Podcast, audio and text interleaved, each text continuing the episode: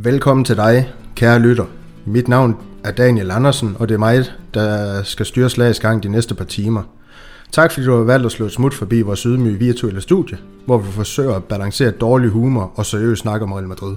Denne uges snak bliver en omgang traditionel Q&A, hvor I øh, som lytter har fået lov til at sende panelet en masse lækre spørgsmål, som jeg er sikker på, at de glæder sig til at svare på. Men inden vi øh, lige hopper videre i teksten og får præsenteret dagens panel, øh, vil jeg lige sende et skud ud til en af Real Madrids største basketballspillere nogensinde, der i dag, torsdag, ligesom vi sidder op til, har valgt at indstille sin aktive karriere i en alder af 41 år. Jeg taler selvfølgelig om ham her, Felipe Reyes, der debuterede for Real Madrid tilbage i 2004, og siden nåede at spille vanvittigt 1046 kampe. Her vandt han blandt andet øh, 23 trofæer herunder to Euroleagues, øh, syv spanske mesterskaber og seks øh, Copa del Rey-pokaler, øh, og det er ganske imponerende. Det er faktisk lidt ærgerligt, at, øh, at Christian han ikke er med os i dag, fordi han ville, han ville kunne have, have givet ham her Reyes den legende afsked, som han, han, han i virkeligheden fortjener, men det, det fik han heldigvis Øh, ved hjælp af, af den gode Florentino Perez i stedet for øh, i Madrid. Så det, det, det er værd at hylde, og, og herfra der skal der, der skal der lyde tak for kampen for mig og, og resten af panelet til, til, den, øh, til den gode race. Øhm, men det skal ikke handle om basketball i dag. Det har I, vores lytter, valgt. Det skal handle om fodbold i stedet for. Jeg har allieret mig med, med tre af de skarpeste Real Madrid-hjerner på det danske marked. Øh, hvis jeg selv skulle sige det. Jeg ved ikke, om de selv er enige. I form af Jesper Frost Hansen, Malte Geil Bosen og Niklas Bensen. Jeg kunne, øh, jeg kunne godt tænke mig at lægge, lægge, lægge lidt blødt ud, øh, øh, drenge, i forhold til det her Q&A, så jeg starter lige med at, lige med at smide et par spørgsmål afsted til jer. Malte, jeg starter med dig. Øhm, og det er sådan lidt noget, noget nyt, der er tækket ind i dag. Øh, der kommer fan, fans tilbage på de spanske stadion i næste sæson, og man snakker om en kapacitet øh, på helt op til 75 procent. Øh, er det sød musik i dine ører, Malte? Det må man sige. Det er virkelig kærkommet.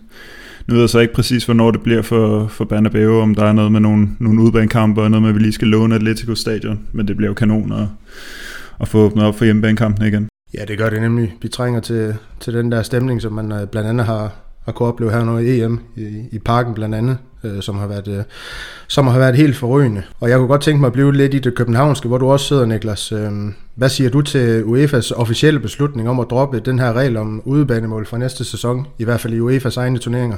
Øh, jamen, det tænker jeg umiddelbart er en god beslutning. Den, øh, jeg synes, den, øh, i, specielt når, når den går i forlænget spilletid, har været en, en lidt underlig regel. Øh, og, og som en skrev på, inde på Twitter, så øh, er det jo måske også en, en måde at få lidt flere, øh, lidt flere minutter i kampene, altså få noget mere ekstra tid og få nogle flere straffesparkskonkurrencer osv. Øhm, så på den måde er det jo også en, en, en økonomisk gevinst for UEFA, men øh, umiddelbart så hilser jeg den velkommen. Ja, og det, og det paradoxale her, det sjov, det er jo, at, øh, at grund til, at man lavede den her regel om udebanemål i sin tid, det var jo netop for at fjerne straffesparkskonkurrencer fra, fra UEFA's uh, plakat i de her turneringer her. Så det er lidt sjovt, man, man, man vender tilbage til det. Øh. Jeg ved ikke, om jeg har lyst til at høre din mening om det, Jesper. Det kunne jeg måske også have gjort. Du har jo både været, været igennem det her med, hvor det var knockout-kampe og ren knockout-kampe, to gruppespil, et gruppespil og alle de ændringer, der har været for dig igennem tiden, øh, gennem mesterholdenes turneringer, så, så Champions League. Øh, men i stedet for, der, der har Brylle valgt at stille dig et spørgsmål, Jesper. Det ved ikke, om du har smug kigget lidt på forum. Øh, jo, jeg har mordet mig af det. Ja, det har du nemlig, og, og, og, og det lyder sådan her, jeg ved ikke, om I to andre, jeg læste. Øh, vil du helst sidde i en Valencia-trøje på Mestalla under en hel kamp og synge med på alt, eller opleve Redondo i sin prime i en Barcelona-trøje? Ja, spørgsmålet er heldigvis ret nemt, fordi det, det var bare en enkelt kamp, jeg skulle sidde på Valencia Stadion og, og, og juble af dem, og øh, det, det kan jeg godt klare, hvis alternativet er, at jeg skulle se øh, Fernando Redondo øh, spille i, i Barcelona, tror jeg. Det, det vil jeg ikke øh, gå. Han har jo også for meget stil til, at han kunne, kunne iføre sig den, tror jeg. Altså, øh, en sympatisk argentiner, han hører til i, i Real Madrid, så, så det var fint, at, at vi fik Redondo. Ja, og du er, du er desværre ikke lige så sympatisk, så du kan godt finde på at, at trække den her Valencia-trøje overhovedet for at skrue lidt med, øh, kontra jeg skulle sige Redondo i sin prime i Barcelona. Jeg kan nok godt følge dig, Jesper, men øh, lad den ligge og, og, og lad os hoppe ud i det, det hele handler om. Det handler om de her gode spørgsmål fra, fra vores lyttere. Øh, der er rigtig mange af dem, der tækker rigtig mange ind. Der er rigtig meget, jeg har skulle holde styr på. Øh, selektere også lidt i, og det betyder også, øh, at øh, quizzen i dag, den blev droppet, fordi vi, vi kører den her ren øh, øh, spørgsmål fra jer lytter, og så svar fra øh, forhåbentlig begavet svar fra vores panel. Det, det, jeg har delt det sådan lidt op, at, øh, at vi skal igennem noget trænersnak, der er tækket en del ind om Ancelotti, så er der tækket noget ind om ja, defensiven, konstellationerne der, der er noget om angrebet, øhm, der er en masse transfersnak blandt andet, og så er der også lidt om næste sæson. Så jeg tror faktisk, jeg vil lade det op, være op til jer, om vi, om vi skal køre den sådan kronologisk, med at tage, tage trænersnakken først, defensivt angrebet, og så, så fremdeles, eller om I har lyst til at hoppe lidt rundt i. Øh, hvad synes I, vi skal starte med? Lad, lad os bare tage dig, Malte. Det, det synes jeg lyder fint. Vi kan jo bare snakke derud af og se, hvor snakken fører os. Jamen, øh, så, så kaster vi os ud lidt om, i lidt om uh, Ancelotti, synes jeg, til at starte med, om den her Ja, det har jeg valgt at kalde trænersnakken. Der er tækket lidt ind for en Chris Fischer, øh, en Hugo Sanchez og Andreas Lange. Øhm, Chris Fischer på vores øh, øh Facebook-side inde på ja, Matadist.dk på podcast, hvor vi, hvor vi forsøger at holde det her øh, bitte virtuelle projekt, øh, hvor vi prøver at interagere med vores øh, lytter. Øhm, han, han stiller et spørgsmål, Malle, du kan være den første lige at give dit besøg her. Det går på, med hvilket perspektiv tror I, Ancelotti ser på tiden i Real Madrid? Vil han tænke kortsigte og prøve at vinde alt næste sæson uden de store udskiftninger, eller vil han prøve at fremtidssikre klubben ved at satse mere på talentudvikling frem for hurtige resultater? Jeg ved, vi også berørte det lidt i vores øh, podcast, dengang han blev Øhm, jeg tror, vi tager afsked med Zidane, og så berører Ancelotti også lidt der, men, men hvad, hvad er dit syn på, på det spørgsmål her? Jamen det er et eller andet sted, det er vel en, øh, en kombination, kunne man vel sige, fordi hvis han skal satse på ungdommen, så er det jo sådan noget med at bruge øh, øh, Miguel Gutierrez, Gutierrez for eksempel, øhm, og han er jo bedre end Marcelo nu, øhm, og dermed får man jo kombineret det der med at jagte trofæer med det samme, med at, øh, at, at bruge ungdommen, men øh, som udgangspunkt, så tror jeg, han vil, altså jeg tror ikke, han vil gå mere efter ungdommen end, end, end tidligere træner, jeg tror, altså det er jo, det er jo sådan nogen som Blanco, Arribas og Gutierrez, som der ligesom blander sig øh, på førsteholdet for mig at se i hvert fald. Øhm, så kunne jeg også godt forestille mig, at man bruger Valverde mere, hvis Valverde han kunne finde på at, at lade være med at få så mange skader, som han lige har fået. Men det er jo egentlig også, altså det tænker jeg også, Zidane ville have gjort, hvis ikke at, øh, at Valverde havde været så meget ude. Så jeg tror egentlig, at det går lidt hånd i hånd. Han vil jagte trofæerne, og så øh, er det jo heldigt, at vi har nogle, nogle unge spillere, der kan blande sig allerede nu. Ja, fordi han, han har nemlig også et tillægsspørgsmål, Jesper, i, lidt i forlængelse af det, Malte han drog ind her med, med, med Valverde. Altså vil vi for eksempel, skriver han, komme til at se Valverde spille mere end, end Modric, end Kroos, øh, selvom hans nuværende niveau er lavere end de to, eller findes der en middelvej, hvor udvikling og store resultater kan gå hånd i hånd allerede? Jamen, det, synes, det synes jeg godt, øh, og det synes jeg også i, i det store hele, at, øh, at der var tegninger til sidste sæson med Zidane, at Fede Valverde fik øh, spilletid, når, når han var klar, men, men det var ikke altid på bekostning af for eksempel Modric, som, som jo er den, der givetvis vil stå, stå først for, fordi han har den alder, han har, men, men øh, han viser jo stadigvæk klassen, og, og det, det er det, man skal slå af, og ikke øh, hans alder. Øh, altså Modric er jo rigeligt god nok til at være en del af, af Real Madrids første hold endnu. Men, men det er klart, at Ure, der begyndte at tække den, den forkerte vej for ham, øh, det, det er der jo ikke nogen, der kan rende fra. Så øh, med, med tiden vil, vil Fede Valverde jo øh, komme til at overtage, men, men om det lige bliver i den kommende sæson, at han, han brager absolut igennem på Modrics plads, eller på en af de tre midtbanepladser, det, det er ikke sikkert.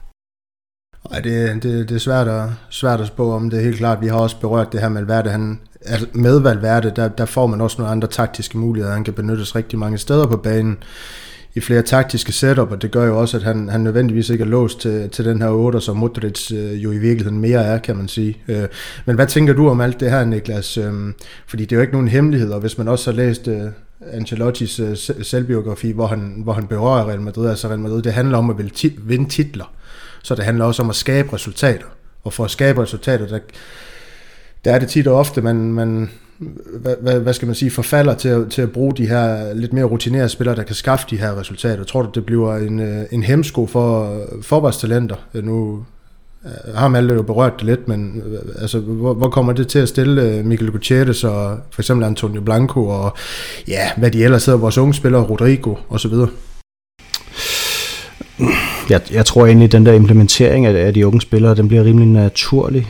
Øhm, for det første, fordi de har niveauet, øh, specielt Miguel Gutierrez og, og Antonio Blanco, synes jeg jo ikke, at man taber særlig meget niveau af at bruge. Øhm, og så simpelthen fordi, at han øh, ligesom sit muligvis er tvunget til det.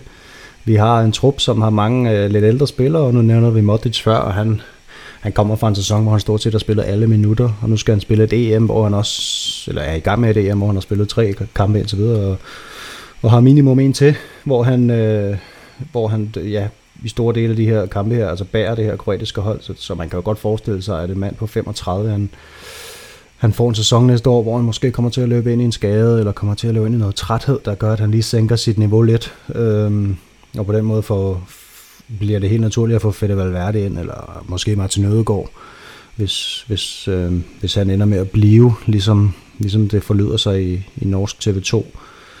Øhm, så jeg tror egentlig, at selvfølgelig vil han læne sig op af, af, af den garde, der er af, af de rutinerede spillere. Det, det giver også mening, når man skal implementere unge spillere. Det, det er svært at, at køre et hold med, med, med nye spillere og unge spillere øhm, i Real Madrid, og, og måske specielt i denne sæson, hvor vi får tilskuere tilbage på, på Bernabeu, og, og det er lang tid siden, de har været til fodbold, så de, de vil nok gerne se noget lækker fodbold. Øhm, jeg, jeg, jeg tænker ikke, at, at uh, Ancelotti er kommet for at revolutionere tingene. Det, så havde man valgt at gå med noget andet.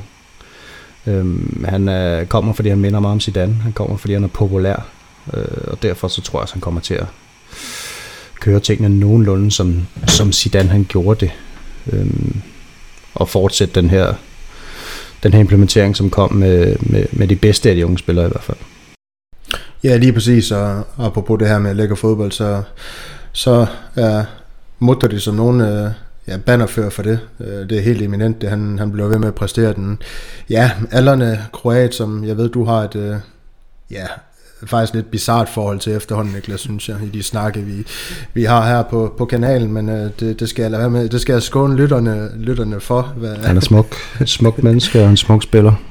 Det er han. Hvor, hvor, hvor andre mindre dygtige fodboldspillere, de vælger at stoppe karrieren og, og rejse til, Kine, til kinesisk fodbold og, og fortsætte der for at tjene de ekstra lønkroner, så fortsætter han jo bare i verdens mægtigste klub og, og bliver ved med at gøre det godt for det kroatiske landshold, og det, det kan man selvfølgelig kun, øh, ja, kip med den for. Det er, det er imponerende, hvad, hvad han har gang i, Luka Modric. Han, han sætter nye standarder for de her midtbandspillere.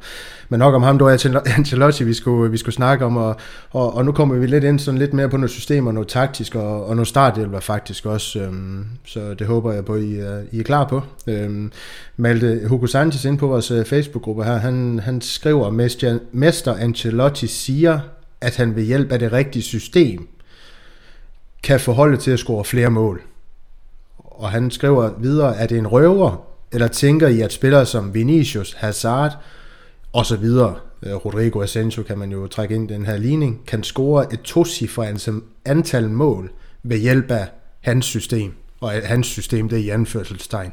Du har været lidt inde på de taktiske muligheder, han ja, har benyttet altså sådan noget tidligere her, men, men tror du, at han, at, han kan, at han kan vride flere mål ud af den her, lad os nu bare sige det, til tider boglam øh, offensivt, Benzema han har omkring sig?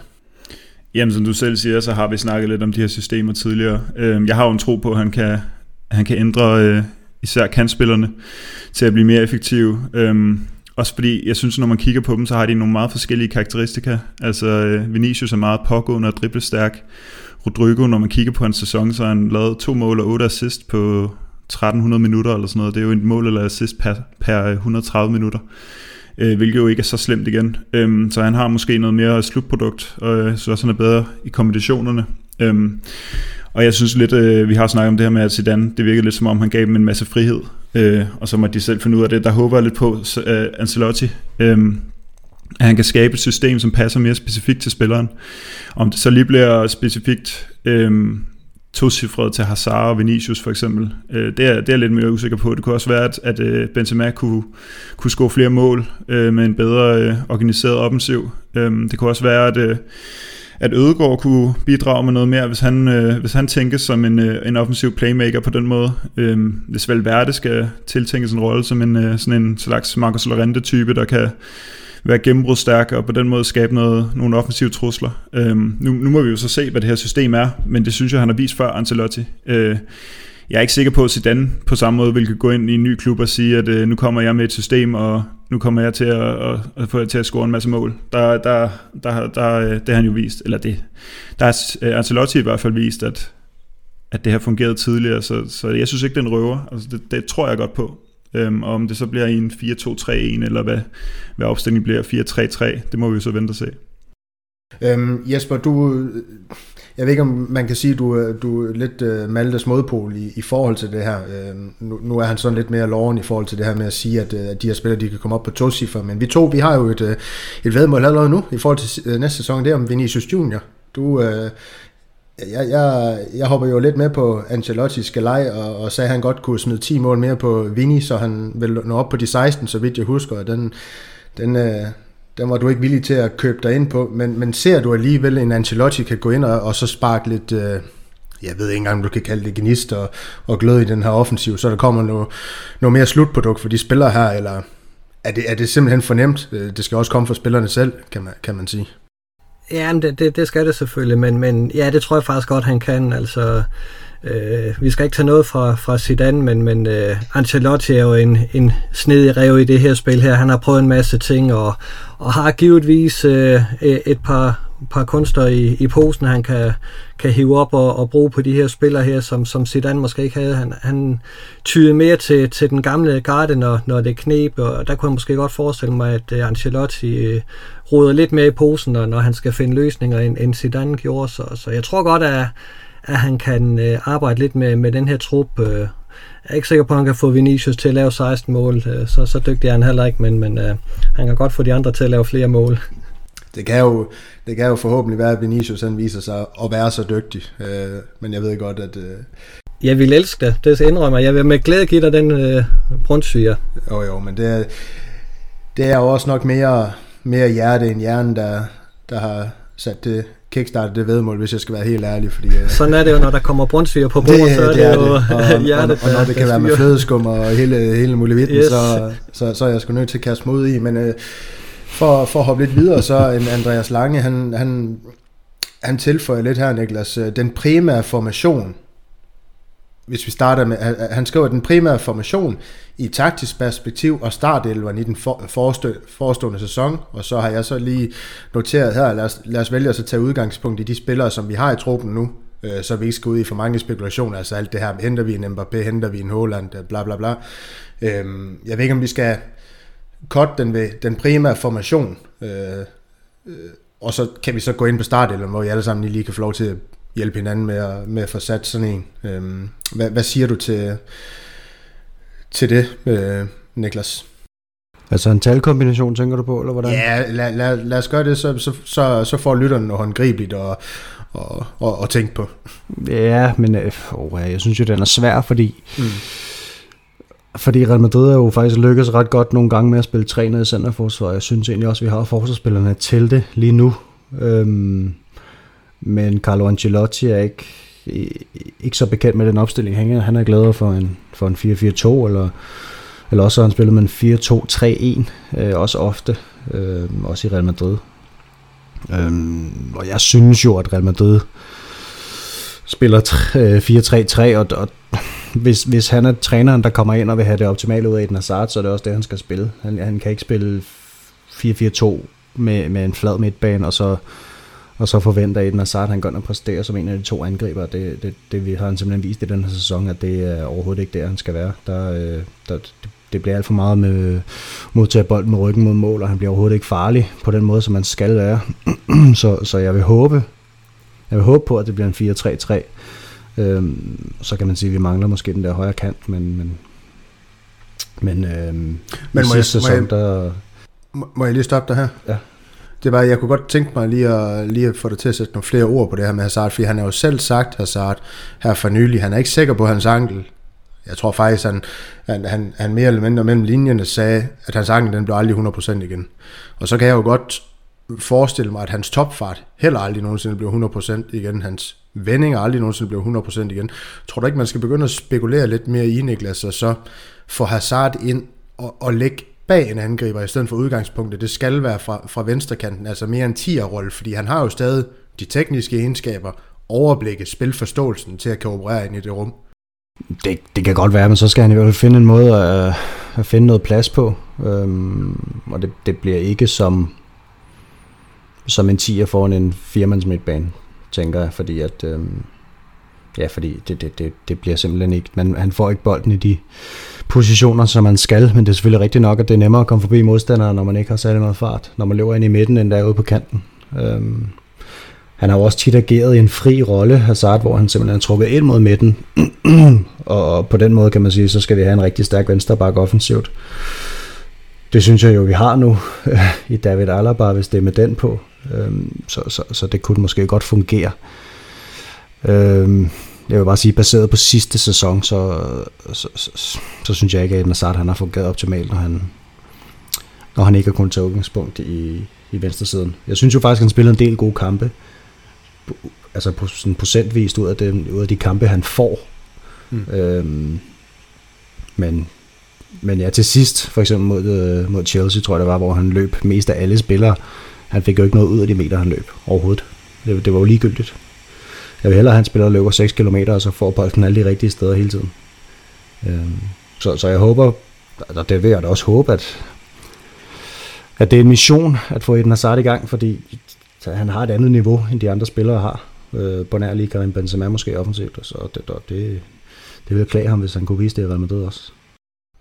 Ja, lige præcis. Øh, men øh, jeg kunne egentlig godt øh, tænke mig at drage dig lidt ind i, fordi det er jo svært at, at lave talformation øh, i, i, i, i nutidens fodbold, eller hvad skal man sige, fordi øhm, ikke fordi fodbold det bliver positionsløst, men øh, de, de, de bevæger sig rigtig, rigtig meget på banen, de her, her fodboldspillere i dag, men man ser nogle tendenser under EM, synes jeg, hvor, at, som Niklas også berører, 3-5-2 eller 5-3-2, afhængig af, hvordan man, man vil sige det. Altså, det begynder at, at vinde mere med indpas. Det er ikke kun noget italiensk fodbold længere, det er noget, der, der breder sig til, ja, hele fodbold-Europa. Øh, vi ser Holland spille den, vi ser Danmark har haft succes med den øh, under Julemand, øh, Italien øh, og så videre. Belgien.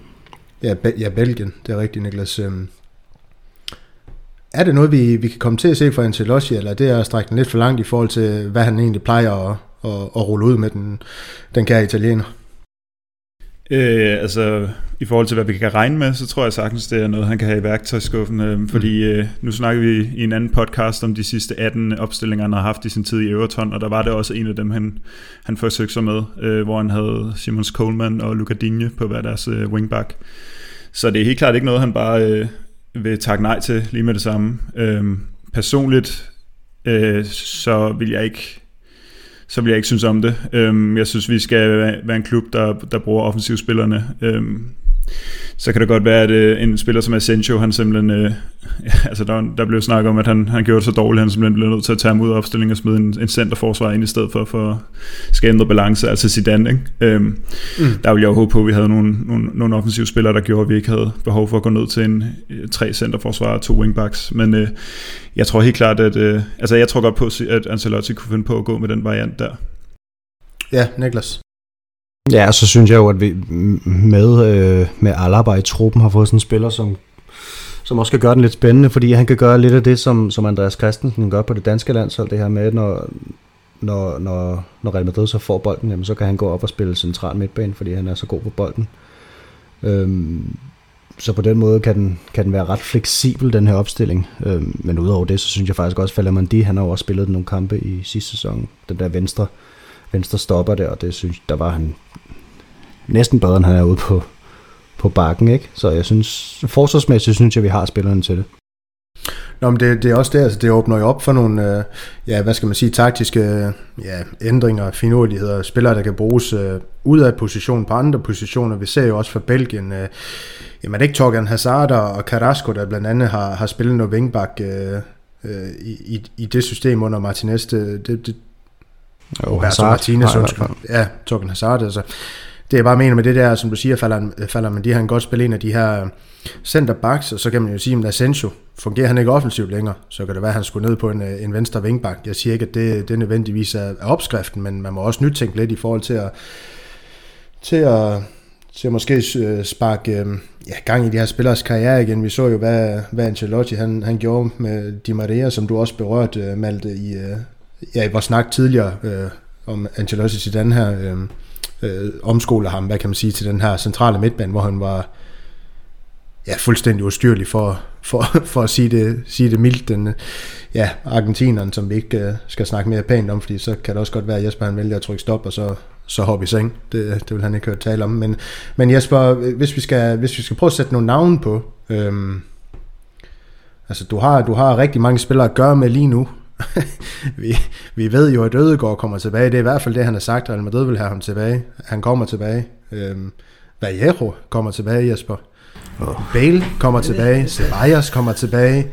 Nej. altså, det er jo, det er jo, det er dem jo, det er jo et, pot, det er jo et potpourri af legender, der kommer tilbage i den her, i, i den her trup. Øhm, hvis, du skulle give, hvis du skulle give dit bud på, på de 11, der kommer til at, til at starte sæsonen for Real Madrid, hvad, hvad vil det så være? Jeg ved godt, altså, det er tidligt, øh, men øh, jeg ved, at det også er, er noget, lytteren de er ivrige efter at få, få at vide af os. Øh, det her med at have noget at forholde sig til i forhold til startelven. Ja, hvis jeg skulle give mit, øh, mit, mit elverbud, så, så er det jo Quartar på mål, og så er det Alaba og Militao i centerforsvaret, og så er det Carvajal og Mangdi på, på bakkerne. Og så øh, midtbanen bliver der ikke rørt ved, det er Casemiro, Kroos og Modric. Til dem, de, de kan ikke røres til, til en start. Der må Ødegaard ind og vise, hvad han er lavet af, hvis, hvis han skal ind og, og have den plads. Så i front, så er det jo Benzema øh, som den ene, og så er det jo Mbappé den anden. øh, skal I bare vente og se. Og så bliver den sidste... Øh, skal, vi ikke, øh, skal vi ikke sige, at Hazard han, øh, han øh, spiller mere end øh, den ene kamp 90 minutter, øh, han lige har, har præsteret. Han, øh, han må godt komme i gang nu. Det er ved at være tiden. Ham kører vi med. Det lyder som en anden offensivt i hvert fald, men, øh, men Niklas, jeg bider også mærke i, at, øh, at Jesper han øh, let og elegant hopper over en, øh, en vest franskmand i det centrale forsvar. Det er fordi Jesper han allerede har lavet en byttehandel, selvom jeg sagde, at han ikke skulle gøre det, mellem øh, PSG og PSG og, og Real Madrid, der sender Varane den ene, gang, en vej for nogle penge, og så Mbappé den anden vej. Eller tror vi ikke på, at han bliver? Er det det, der, der gør, at han går med Alaba og Militao? Det må du nok spørge Jesper om, tænker jeg. Jeg lagde også mærke til den. Men det er fordi, jeg ikke tror, at Varane er i klubben ret meget længere. Ja. ja. Men, men hvad- det, det, de navn, han kommer op med, Niklas, er det, er det noget, du kan købe dig ind på? Er det noget, du finder realistisk? Er det noget, du tror på? Og jeg tror gerne, jeg vil indtil videre lige hoppe over Mbappé. Man kan jo altid håbe. Men, øh, hvis, men med de spillere, vi har i truppen nu, så er det jo bare at skifte ham ud med Fedder Valverde, tænker jeg. Øhm, hvis, hvis det skal være en 4-3-3. I hvert fald, der, der synes jeg, at Fedder Valverde, han er det bedste bud, vi har lige nu faktisk, på den højre kant der. Malte, du vil gerne byde ind. Jeg blev øh, mærke i øh, Mbappé på højre kanten, og der, der så jeg lige et, øh, et brugerspørgsmål inde på et, en af vores platforme. Øhm, en, der snakker om øh, Mbappé, om man ikke øh, oftere tager sit udgangspunkt i venstre side. Øhm, og der kunne, man, der, altså der, der kunne man lave sådan en tankeeksperiment om, skal han ikke over i venstre side i virkeligheden ligge, og så må vi se, om Hazard han kan være spilleklar, om Ancelotti så i virkeligheden kunne finde på at hive Bale ind fra start på højre kanten. Jeg synes jo selv, det er et skrækkeligt scenarie, øhm, og han skal ikke... Øh, jeg synes ikke, han, øh, han, gør, han har gjort sig fortjent til at bære trøjen længere, men, men hvis man skal have Bale i gang, skal man så ikke have ham i gang i de første par kampe, hvor vi ikke spiller på hjemmebane, kamp, øh, på hjemmebane øh, så han kan altså, bide sig fast. Øh, det kunne også være en, en mulighed at smide ham ind, og så, øh, ja, så enten Mbappé eller Hazard, lad os sige det sådan, på venstre kanten.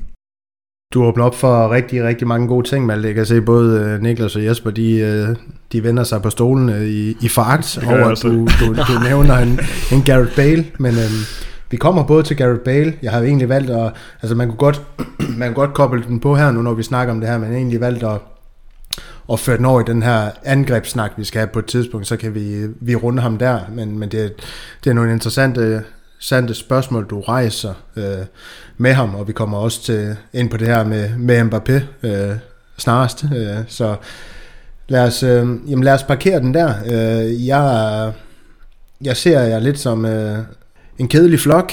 Det var faktisk kun Malte, der, der åbnede lidt op for en 3-5-2, hvor at, øh, Jesper og Niklas, de, de vil blive ved med den her 4-3-3, som ja, yeah, efter manges mening har, har været lidt søvndysen her de, de senere, seneste par sæsoner, øh, hvor det lader til, at det kun er Benzema i hvert fald, der fungerer offensivt i den. Men øh, fra noget offensivt til noget defensivt,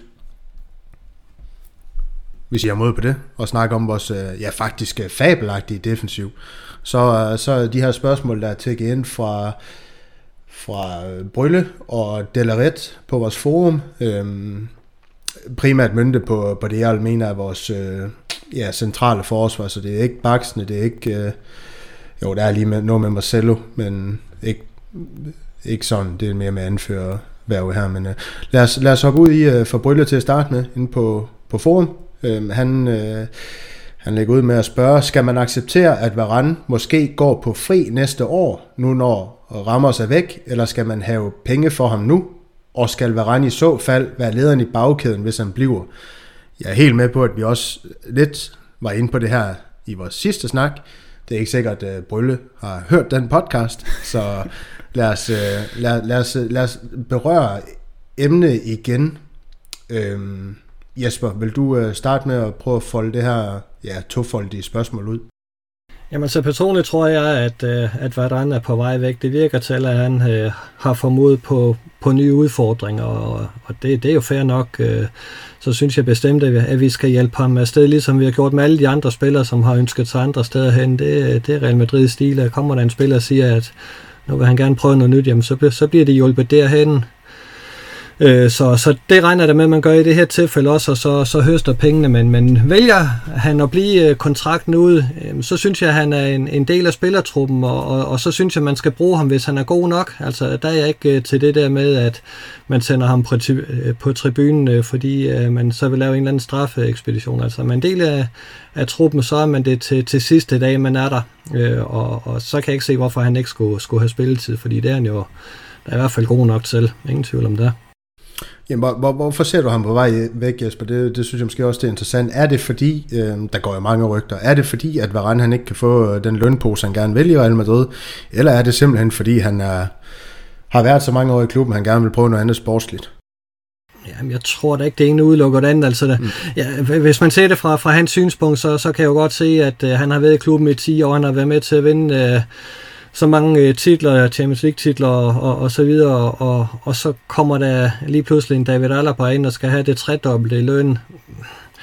Det kan man øh, sige for imod, men, men ser man det fra hans synspunkt, så, så kan jeg måske godt øh, følge, at, at han kan føle sig lidt urimeligt behandlet, der gerne vil, vil anerkendes for den indsats, han har lavet i, i Real Madrid-tiden. Og så har han jo været i, i klubben i, i snart rigtig, rigtig mange år, øh, og øh, det, det, det er måske naturligt nok, øh, at, at, at han gerne vil prøve et andet eventyr også i enten Premier League eller, eller tilbage til Frankrig og være en del af, af det her storsatsende Paris SG-hold. Øh, det, det kan man jo ikke fortænke ham i. Øh. Men, men jeg kunne egentlig godt, øh, altså tænke mig at blive lidt ved den her lønsnak, fordi det er jo det er interessant, og vi prøver det meget ved, da vi er meget uenige om tingene nogle gange i, i forhold til det, om, om de skal tilbydes de her kontrakter eller ej, men Niklas, kan du ikke lige, altså hvad er meningen med, at man, man, man smider de her 12 millioner euro efter, efter Alaba, og så ikke gider at, at smide, er det, er det 7 millioner euro, eller hvad det hedder, efter, efter Varane? Øhm, hvordan, hvordan giver det mening? Altså Varane, en, kultur, en potentiel kulturvær, eller faktisk en kulturvær i Real Madrid, jo, hvor han jo efterhånden ses som. Hvorfor, hvorfor vil man, nu skal jeg passe på med at, at bruge så negativt ord, øh, en vending som skulle ham ud med badevand, ikke? Også, det er jo ikke det, man gør, men, men, men stadig, hvorfor, hvorfor giver man ikke tilbyde ham den kontrakt? Det er et godt spørgsmål. Jeg, altså, jeg synes jo heller ikke, det giver særlig meget mening, at, mm at Alaba han kan få de her 12 millioner netto om året, og så Varane han, øh, han dårligt kan få halvdelen. Det, med, med alt det, han har præsteret, og med den alder, han har, hvor man næsten må gå ud fra, at han har sin bedste år foran sig, så synes jeg jo, og det var også de forlydende, der var, der, der rammer sig ligesom øh, så småt var væk, at så, så vil man sådan set strække sig rigtig langt for at forlænge med, med Varane, så jeg kan sagtens forstå ham, hvis, hvis han gerne vil væk, det må jeg indrømme. Altså, det, jeg kan også godt forstå, hvis han gerne vil hjem til Frankrig. De har øh, lige nu øh, et hold, som ja, det kan nærmest ikke undgås, at de, at de også går hen og vinder Champions League øh, inden for de nærmeste inden for de, for de nærmeste år, altså med de, med de penge, de poster i det her projekt, og med de spillere, de har. Det, det, altså, ja, det, det, det er i hvert fald deres egen skyld, hvis de ikke kan gå hen og vinde den, det er helt sikkert. Øhm, så jeg forstår godt, hvis han synes, det er attraktivt at, at komme et andet sted hen, det må jeg sige. Altså, også, også med de penge, man lige har sparet på, på Sergio Ramos, han fik en høj løn, og, og nu er de lønpenge, lønpenge væk lige pludselig. Øhm, og inden længe er der også nogle andre løntunge spillere, som forsvinder. Altså Luka Modric er her ikke for evigt. For eksempel, han, han hiver en rimelig stor løn. Øhm, Karim Benzema har vel heller ikke 100 år igen, tænker jeg. Så, så jeg tænker der også er en spiller som Varane, som har været med til alt det her, og som har været i klubben i 10 år, at han skal lidt højere op i lønhierarkiet. Det, det, det, det vil da give mening. Ja, i hvert fald hvis at der skal sættes en ny signatur på, på underskriften, og det lader også til, sådan som jeg øh, analyserer på alt det her, der kommer ud, at det er det, der, der er lidt af barrieren nu. Men, øh... ja, altså med mindre, at de har set, at, at nu hedder det et af i det her centerforsvar mm. her, sammen med en venstrebenet. Øh, der er mange klubber rundt omkring i Europa lige nu, som specifikt går efter venstrebenet centerforsvar, for, for, fordi at det, det giver en anden dimension i forhold til at føre spillet frem, ned bagfra. Man kan sige, man havde Ramos, som faktisk skulle spille den begge veje med højrefoden, og det, det er rimelig sjældent. Øh, det er der ikke så mange, der kan. Og nu, nu, nu har man så fået en venstreben ind, som måske, måske skal spille. Øhm, og hvis man så man satser på, på at, at nu bliver det Militao øh, de næste mange år sammen med en venstrebenet, så, så er det jo derfor. Men ja, det, det, altså, jeg synes, det, det er svært at begribe.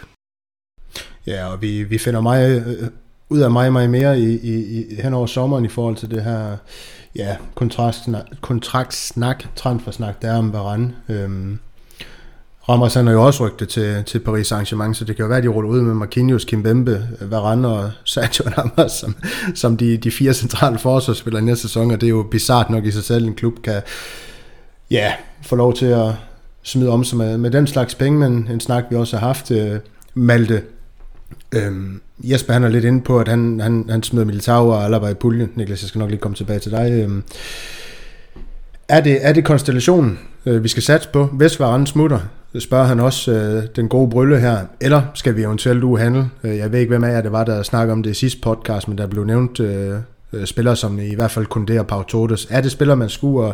Er, er en af de to en spiller, man skulle hente, hvis Varane han, øh, han bliver solgt til sommer?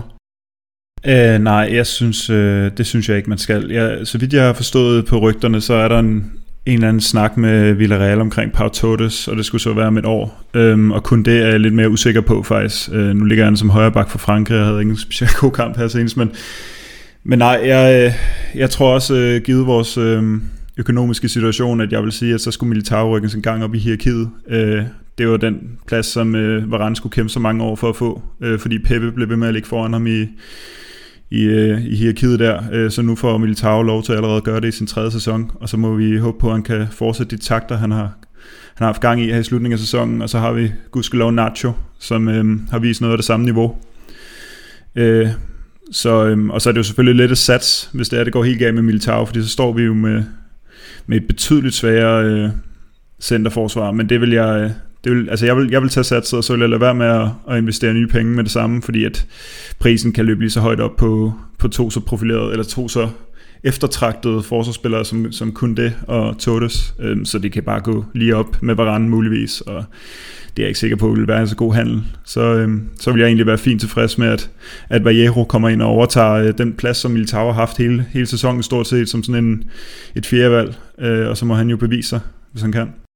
Ja, jeg, jeg, jeg er meget enig i din, i din analyse, Malte, selvom øh, jeg føler mig 110% sikker på, at Vajero han ikke kommer ind og viser en fløjtende fis i, i Real Madrid-trøjen igen. Øh.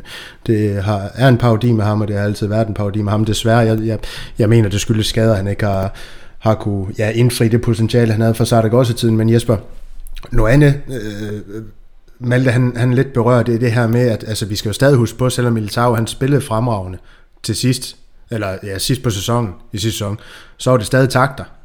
Jeg ved godt, det var over en længere periode, men det er stadig takter. Øh, han har jo ikke bevist, han har været tre år, øh, han skal i gang med sin tredje sæson, så, så man kan sige, at han har jo ikke altså, bevist de her lederskaber for alvor over en længere periode, så kommer en Alaba ind, smutter en Varane, rammer, så han er smuttet så kommer vi jo til at stå med, et, hvad, hvad, hvad skal man sige, et, et, kan man kalde det et flat hierarki i det her midterforsvar, hvor der egentlig ikke er en egentlig leder, der skal, skal trække i snorene. Det tror jeg, det er essentielt for et hold. Det kan ja, skabe et godt fundament defensivt for defensivt, og så op igennem banen. Øh, og, og her spørger Brylø og så også om, hvem ja, skal, skal egentlig styre øh, bagkæden i næste sæson, hvad er den her leder dernede? i? Altså, hvem ser du af de to her? Fordi hvis det bliver Militar Oliver, som du selv er inde på, så er der vel en af dem, der skal svinge øh, dirigentstokken. Det kan jo ikke komme ned fra målmanden på den måde. Ja, der, der tænker jeg, en spiller, der har været 10 år i, i Bayern München, han har hår nok på brystet til at, at kunne svinge øh, takstokken og, og, hvad hedder det, øh, styre det forsvar, så det, det vil jeg overhovedet ikke være nervøs ved, at David Alaba han bliver, bliver chef i forsvaret. Slet, slet ikke. Det, det er han rigeligt dygtig til. Og det, kan, og det mener du også godt, man kan gøre som, som helt ny spiller i Real Madrid's omklædningsrum. Kom ind og, og få den her autoritet og skinne og, og ja, simpelthen styre løjerne øh, defensivt. Ja, det, det, ja. Det, det, tænker jeg godt, han kan. Okay. Det tænker jeg godt, han kan. Han, han er jo tiltænkt øh, direkte ind i startopstillingen, og, og det, det, den plads vil han jo få øh, fra start, så, så der vil komme en, en naturlig lederrolle i, i det centerforsvar så Den ligger ganske fint til ham.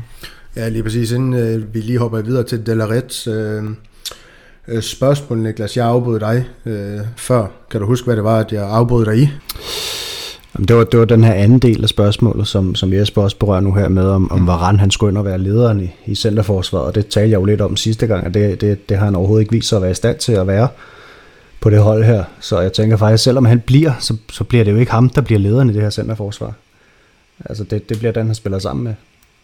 Ja. Øhm, og i den her sæson har Nacho jo vist sig at have, have store lederegenskaber, så man kan sige, når han spiller, så kan han jo sagtens tage den der dirigentstok der. Han har også 10, 10 år på banen på første holdet.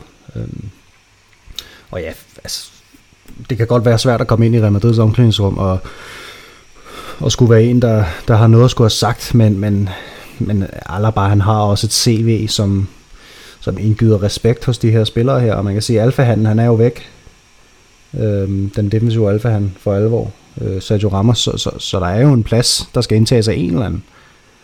Og jeg tror ikke, at Rafael Varane han kan, han kan steppe op og, og tage den plads. Så det ville være naturligt, hvis det var, hvis det var Militao eller, eller Alaba, der tog den.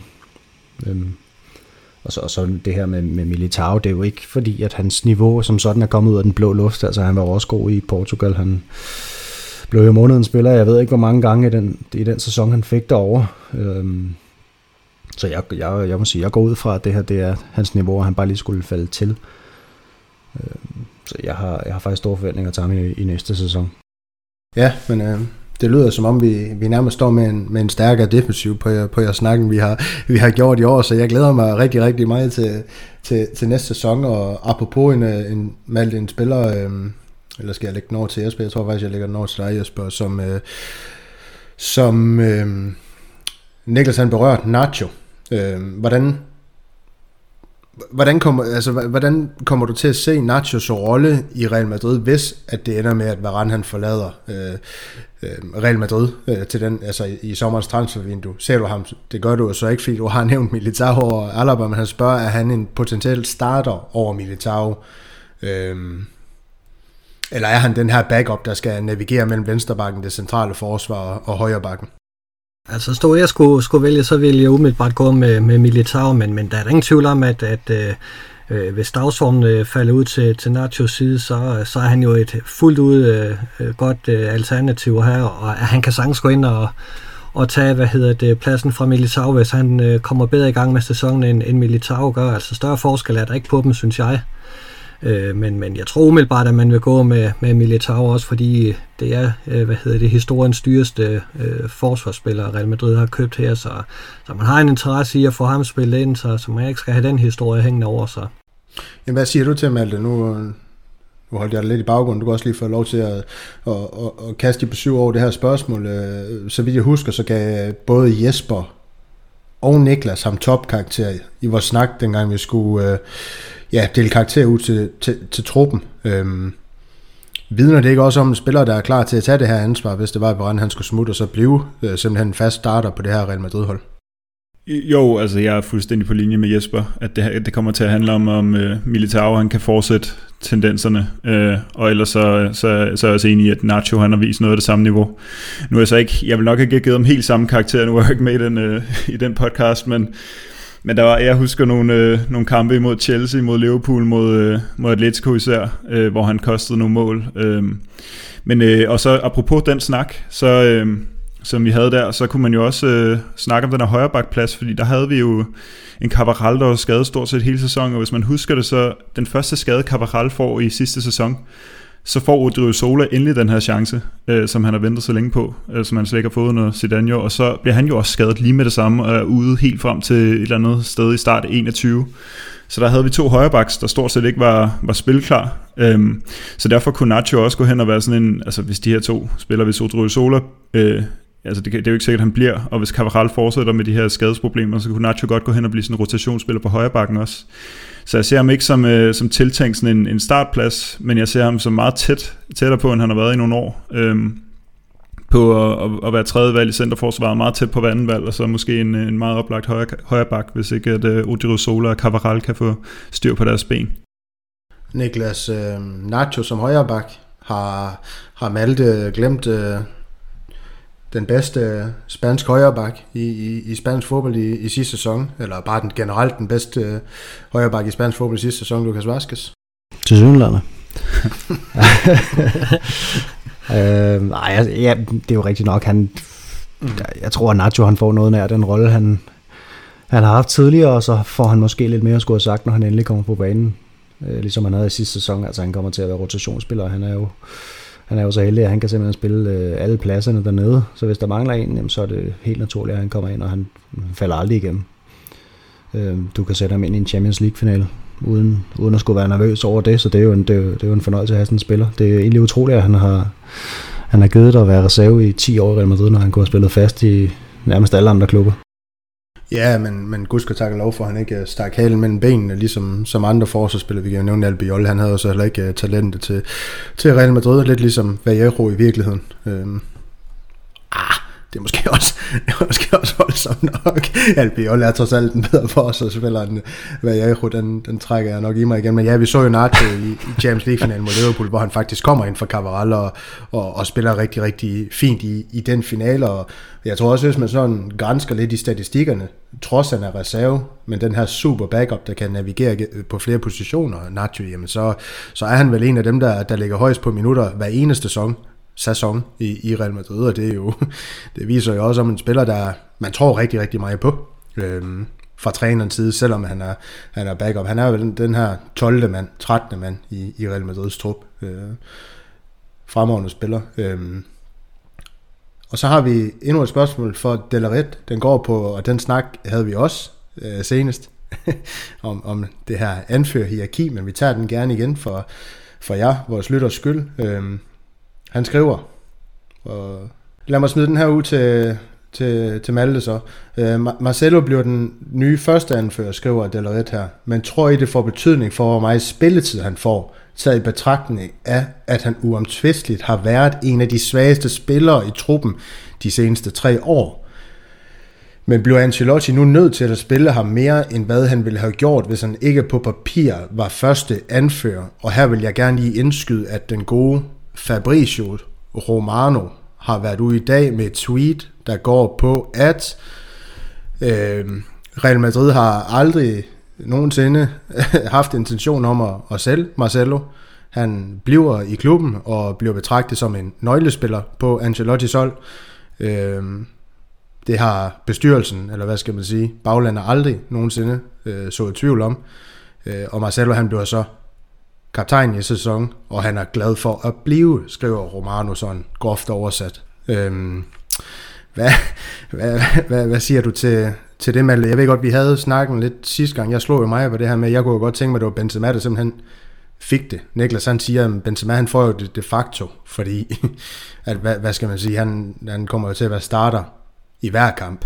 Men øh, sådan noget som det her, når man hører, hører sådan noget, det bliver skrevet, hvad, hvordan kommer du så til at, altså hvordan analyserer det? Øh, analyserer du det? Tror du, at Marcelo han kommer til at få mere spilletid, end, end vi egentlig håber på i næste sæson i virkeligheden?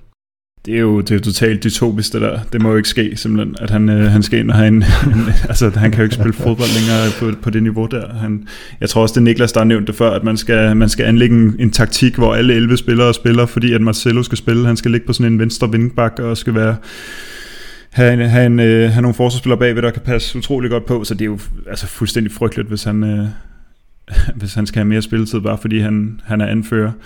Jeg er også på linje med Niklas, altså det, det bliver, eller det bliver Benzema, der skal bære det bind, og så kan Marcelo officielt være vores anfører, fordi han, han kan jo godt varetage øh, Real Madrids interesser uden for banen, virker det som om. Det virker også som om, at uh, Gutierrez for eksempel ser ham, en stor, ser ham som en stor støtte, men at han skal ind og have mere spilletid, fordi han bliver anført, det må, altså det må ikke ske, og det, der håber jeg virkelig ikke, at, uh, at der er noget i det der, at uh, Ancelotti på en eller anden måde kan blive overruled af, af nogen højere oppe. Altså han skal jo, han kan da formentlig se, at det, der er ikke så meget at om. Han er den, der får lov til at stå tættest på Pettis til julekortet. Det må, det må være det. Det må være det. Det kommer til at betyde. Altså, ja. Fuldstændig. Jesper, du, øh, du har før kaldt øh, Marcelo en, øh, en tragedie, tror jeg faktisk, det var, du, du kaldte ham i Real Madrid lige nu, som, som, som det er nu med ham selvfølgelig, med hans nedadgående formkur. Du vil gerne ja, byde ind i snakken omkring ham. Ja, fordi jeg, jeg kunne også godt tænke mig, at han fandt ud af, at han ikke længere var god nok til Real Madrid. Det har vi andre kunne se en, en del tid, men det, det kniver åbenbart for ham. Og jeg tror ikke, Real Madrid vil gå ind og, at tage den kamp med ham og simpelthen smide ham ud. Øh, så, så man accepterer nok, at, at Marcelo øh, bliver øh, den kommende sæson, hvor han har kontrakt. Øh, og, og så er han jo øh, på den måde en vigtig del af, af truppen, fordi han har nogle rutiner, nogle humør, og den, på den måde også kulturbærer. Men han kommer jo ikke ind og, og får ekstra spilletid, fordi han, han er anfører. Altså han, han får øh, den rolle, som han har i klubben nu, hvor, hvor han er sådan øh, støtte for, for de unge og, og, og går til hånde, hvor der nu skal gås til hånde. Øh, og og da, da, da, altså, jeg tror ikke, Real Madrid har jo ikke vendt at sige, øh, ham her Marcelo, han skal altså have mere spilletid, fordi nu er han vores første anfører. Sådan, sådan tror jeg ikke, det skal forstås. Men øh, jeg tror, det skal forstås sådan, at man vil ikke gå ind og, og tage kampen med ham og, og komme til at se dårligt ud ved at og smide en trods alt legende ud af, af klubben øh, så, så vil man hellere sige, jamen så bliver det år, du har tilbage, og så tage den spilletid, du, du kan få. Øh, det lader jo til, at han også har indstillet sig på, at han ikke skal være førstevalg, så det, man, man kan komme stille og roligt omkring det med, med Marcelo, uden at, at der bliver noget ballade eller en, en svækkelse af holdet. Det, det går sin stille og roligt i gang med ham. Ja, så vi kan konkludere, at du regner ikke med, at han, øh, han lige pludselig starter sæsonens første kamp over Mangdi, eller en øh, nej, Michael nej, Gutierrez. Slet men, men omvendt, så kan man jo så sige, Niklas, at, uh, at det her, det er jo ikke uh, sød musik i en Michael Gutierrez' ører, nødvendigvis. Altså, det lader jo til, at Marcelo, han, han får en, ja, hvis ikke så, altså han kommer nok ikke til at starte, men det lader alligevel til, at, at, at man kommer til at tro på ham på, i et eller andet omfang, og det kommer vel til at bremse en, Michael Gutierrez i, i den spilletid, man kunne ja, have håbet på, at han ville få i næste sæson. Nu ved jeg godt, det er, der er stadig er lang tid til, at det her transfervindue, det smækker i sig, der kan, der kan nå at ske rigtig mange ting, men... Øh, det, altså, det håber jeg da ikke. Jeg, øh, jeg tænker også, at Ancelotti han har set Real Madrid de sidste par år, og, og, og har set, hvad det er, Marcelo han præsterer, og hvad han ikke præsterer. Øh, han, han skal ikke ind, ind og have spilletid på det hold. Ja. Altså, hvis det stod til mig, så fik han 0 minutter i næste sæson. Det, det bliver jeg nødt til at sige. Han, øh, han kan få lov til at styre bødekassen og sætte musik på i omklædningsrummet. Det, det er jeg sikker på, at han er rigtig god til, men han er bare ikke god nok som venstrebakke for Real Madrid længere. Og, og det, altså Miguel Gutierrez, han er ung, men han er jo klar til at spille nu, så det skal han også have lov til. Øh, og jeg tænker også, at jeg håber også, at det er en betingelse for, at Marcelo, han, øh, han stadig er, er, en, er en fuldstændig del af, af førsteholdstruppen, og man kan sige, at han har jo ret til at være der. Han har jo en kontrakt med Real Madrid. Og, øhm, og så kan man sige, at Real Madrid er jo ikke... altså det er jo ikke ligefrem kendt for, at det, det er rundkredspædagogik, uh, øh, Florentino Pérez han kører. Det er jo ikke... Uh, det er ikke sådan, at man beholder spillere bare for at beholde dem i Real Madrid normalt. Så, så det er jo usædvanligt jo, hvis det, hvis det er med den på med Marcelo, vil jeg sige. Men, øhm, forhåbentlig minimalt med spilletid, og forhåbentlig masser af spilletid til, til Miguel Gutierrez, selvom han jo også, altså, kan også sige, at uh, David Alaba måske heller ikke lige en gode nyheder for ham. Nej, det er rigtigt. Det er rigtigt. Han, han kan jo også navigere derude. Øh, ja, det må man øh, sige. Men, men Malte, jeg kunne godt sige, jeg ved ikke om det her, det er, det er noget, du har et, øh, et godt svar på. Men Niklas han nævner, at han er under kontrakt med selv, og det kan vi jo ikke anfægte. Der er også andre ligegyldige spillere, der er under kontrakt i Real Madrid. Isco, Mariano, Bale, Ceballos, vi kan nævne dem i, dem i flæng, dem der, dem der efterhånden er. Hvorfor i alverden er det, at Real Madrid de har så svært ved og komme af med de her spillere? Er det kun kontrakterne, der er for gode? Øh, er det vejret, der er for godt i Madrid? Altså, hvad, hvad, hvad skyldes, øh, skyldes det her? Altså, jeg kan huske Jesper, han, han før har snakket om den her snak, var det Mourinho, der, der fik med Raul, øh, og fik ham forklaret, jamen prøv at høre, øh, øh, jeg, jeg er godt klar over, hvilken status du har i Real Madrid, men jeg, jeg kan desværre ikke garantere dig den, den spilletid, du fortjener, øh, trods din status. Øh, og, og det er så en øjenåbner for Ole, der, der, der søger videre og, og spiller et par gode sæsoner, eller et par fantastiske sæsoner i, i, i Schalke. Øh, hvad, hvad er det, der gør de her spillere, de, de ikke øh, gør det samme som Ole, og så pakker sydfrugterne, og så finder på noget andet? Jeg, jeg tror, det er lidt nogle øh, forskellige situationer med de spillere, du nævner. Jeg tror for eksempel sådan en som Ceballos, øh, han har i hvert fald flere gange været ude og snakke om, at han gerne vil have noget fast spilletid. Det var også derfor, han har taget et par lejeophold hos Arsenal. Øh, med sådan en som Mariano, jeg tror, han fik en alt for god kontrakt i forhold til hans, øh, hans niveau. Øh, han, kom, altså, han blev handlet ind og fik nummer 7 på ryggen og det ene og det andet. Altså hvad er en kontrakt til 24 eller sådan noget? Eller, altså jeg er ikke engang sikker, men det, det er jo helt vanvittigt. Så han kan jo bare, øh, han får ikke noget spilletid, han får masser af penge, og det er jo lidt det samme med Bale, og Bale er jo en, en, øh, en freak case i sig selv. Øhm, så, så ja, jeg tror, jeg tror, det er lidt en blanding. Øhm, ja, og Isco, han er jo, altså Isco, det handler jo om det her enorme niveaufald, og jeg håber, Isco han er nok, øh, altså ham, ham håber jeg på, at vi kan komme af med det, ja, altså her over sommeren. Jeg synes, der var noget skriveri omkring december, at han gerne ville videre, og at han havde med det i klubben det. Jeg ved så ikke, hvor den står nu. Jeg, ved, jeg har ikke øh, fulgt nogen, øh, set nogen rygter om, at han skulle være på, på vej videre lige nu, men øh, han er en af dem, som jeg har stor forhåbning om, vi kan komme af med, fordi han er, han er, altså, han er lidt i samme kategori øh, som Marcelo for mig. Øh, han er også færdig, og han kan ikke bevæge sig stort set jo. Det er jo skrækkeligt at kigge på. Det er da imponerende med din nyhedsratio, du ikke øh, har, har set nyheder, det må jeg da sige. Også når Jesper han smider dem op i vores øh, interne gruppe hver dag. Nej, det, det er gasmalt. Øh. Men øh, lad, lad os parkere alt den her ja, forsvarssnak, der også, øh, der også øh, ja, bredt sig lidt ud til nogle, til nogle, til nogle andre grene, det er, jo, det er jo sådan, det skal være, og så lad os hoppe videre til, ja, når vi faktisk var i gang med, du, du nævnte Mariano, så lad os hoppe videre til, til noget angrebssnak i Madrid. Øhm, og Chris Fischer, der, der indledte det hele øh, med, med, med Ancelotti, han, han har også et spørgsmål her, som han, der, der skulle have gået i forlængelse af det, han spurgte om til start med, men det kommer så her, altså i forhold til vores to brasilianske vidunder i Rodrigo og Vinicius Junior. Der kan jeg starte med at spørge dig, Jesper. tak for det. En kort og kontant vurdering fra dig om de her to offensive brasilianske spillere, jeg formoder, det er øh, Rodrigo og Vinicius, han refererer til her. Øh, skal de sælges, eller skal Real Madrid øh, fortsat satse øh, på de her spillere, man ja, jo har postet nogle penge i? Kom der et godt bud på Vinicius, så var jeg da klar til at sælge ham, og det tror jeg faktisk også, jeg var med Rodrigo. Altså, så meget har de ikke imponeret mig, at, at øh, et, et godt salg øh, ikke øh, sagtens kunne accepteres. Naturligvis, øh, så, så skal vi jo være klar på, at der skal hentes nogle, nogle erstatninger ind, øh, men, men øh, der har jo allerede givet et par bud på, hvem det skal være, så, så kan vi godt undvære de to brasilianere. Øh, jeg er ikke så voldsomt imponeret af dem, at øh, jeg ikke sagtens vil kunne acceptere et salg. Jeg tror ikke, det kommer til at ske. De er en del af truppen i den kommende sæson også. Øh, det, det er jeg slet ikke et sekund i tvivl om, også selvom der skulle komme nye folk til. Er du, øh, er du enig med, med, med Jesper Niklas i, i, i den øh, betragtning? Jeg er ikke så skræmt af, at Vinicius han skulle blive solgt, som jeg ville være for et år siden for eksempel. Der havde jeg stadig kæmpe, kæmpe store forventninger til ham. Nu, øh, jeg tror stadig på, at det kan blive til noget med ham, men øh, jeg vil sige, for hver sæson der går, så, så svinder det håb jo ind.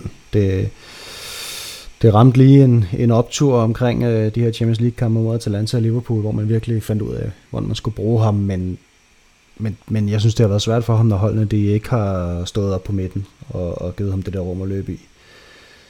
Øhm, så man kan sige, hvis, hvis det var det, der skulle til for at, øh, for at generere nogle penge til, en, til, til at skulle skabe en endnu stærkere offensiv, måske med lidt færre spillere i, så vil jeg da være villig til at lytte til det, men, men det er ikke de to spillere, jeg helst vil sælge for Real Madrids offensiv. Men Malte, øh, nu har, nu har både øh, Niklas og Jesper draget den her, ja, det her bedte kolorit ind i, at øh, hvis det gør, at det grejes nogle midler til, at vi henter en, en anden spiller, men det er ikke det spørgsmål, det går på. En kort og kontant vurdering af de to brasilianske spillere. Altså hvis du og det var ikke fordi jeres analyse, der var noget vej med den, Niklas og Jesper. Nu skal I ikke følge jer øh, trådt på, på den måde. Det Elefanten, elefanten, elefanten her i Nordjylland. Øhm, men altså, hvis vi kigger på det, de har leveret, altså, der er ingen tvivl om, at øh, altså, hvis man går tilbage og snakker, så mig og, mig og Niklas' øh, holdning til Vinicius, det er, den er gået op og ned, ligesom mit blodsukker, det gør hver dag, fordi jeg, jeg har en sød tand, som I også øh, kan se på mig. Øhm, så, øh, altså, så kunne jeg godt tænke mig at høre om, om det er nogen Real Madrid, de simpelthen skal blive ved med at satse på. Altså, vi ser jo, altså når Vinicius han kan stemple ind på den største scene, der er i, uh, i klubfodbold Champions League, og levere det, han gør, gjorde mod Atalanta, uh, Liverpool på, på hjemmebane især, ikke også? Um, er, det, er det ikke svært at bare sige selv til sådan en spiller? Jo, jeg er ikke helt øh, så klar til at sælge dem. Nogle af dem faktisk. Det vil jeg øh, faktisk synes var rigtig sundt. Og det er også med, den, øh, med det udgangspunkt, at jeg kunne rigtig godt tænke mig at se stort set alle kandspillere i Real Madrid over de seneste par år under en anden træner end Zidane. Det kan godt være, at jeg er for hård ved Zidane. Det kan være, at det er for optimistisk. Men, øh, men jeg kunne godt tænke mig at se, hvordan han har tænkt sig at orkestrere spillet. Øh, og det gælder sådan set også Brahim. Øh, Brahim Diaz. Øh, det, Vinicius har de her helt vilde spidskompetencer. Jeg, jeg er virkelig bange for, at det, øh, altså hvis en anden øh, træner kunne få, kunne få det ud af ham, som vi ikke har kunne i Real Madrid indtil videre, udover i glemt. Øh, Rodrigo er lidt mindre ekstrem.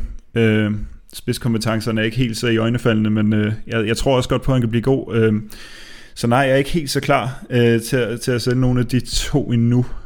Så vil jeg også øh, prioritere andre steder. Øh,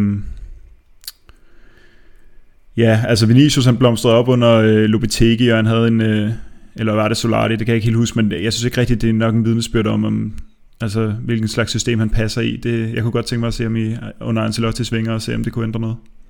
I hvert fald i en sæson. Vi har en Antonio Chichon fra, fra vores uh, Twitter-konto, der, der, der smider et spørgsmål, og, og vi har jo lidt berørt uh, Vinicius og Rodrigo, Jesper. Det lader ikke til, at du har den store tiltro til, til de her to brasilianere. Du er i hvert fald villig til at, til at sende dem afsted, hvis øh, der, der, der kommer noget andet ind, og, og, og den anden, det, det ved vi også godt, hvem er det, det har du nævnt et par gange. Øh. Men øh, hvordan kan man blive ved med at have tiltro til folk som Asensio, øh, og han nævner også Vinicius Rodrigo, og Hazard, der gang på gang har vist mangel, manglende, øh, eller mangel på niveau, og som efterlader ja, Benzema helt alene på opgaven offensivt. Øh, er det forkert for, for øh, er os fans at blive ved med at tro på, at der kan, der kan ske noget godt fra, for de her fire spillere, at øh, uh, Tijon han, han smider i puljen her? I, igen kan man jo øh, hive Jose Mourinho frem og, og tage den udtalelse, han havde om Benzema i sin tid, at, at om at øh, hvis man skulle på jagt og ikke havde nogen hund, så måtte man jo tage katten med, og, og det, der, der mente han jo Benzema, fordi han ikke øh, lavede det antal mål, han godt kunne tænke sig. Og det samme er det jo lidt med de her spillere. Altså, du har jo ikke, øh, du har jo ikke bedre, så er du nødt til at bruge det, du har. Og, og det er jo lidt det, der, der redder dem. Øh, altså, de vil jo til enhver tid blive, blive sat bag spillere som øh, Kylian Mbappé og Erling Haaland. Øh, øh, så når, når vi ikke har bedre, så må vi bruge det, de har. Vi har jo også øh, investeret så store summer i dem, så er det råd til bare at, at smide dem ud med badevandet. Øh, så, så vi, vi er nødt til at satse lidt på at, at få dem i gang, når, når vi nu ikke har bedre alternativer.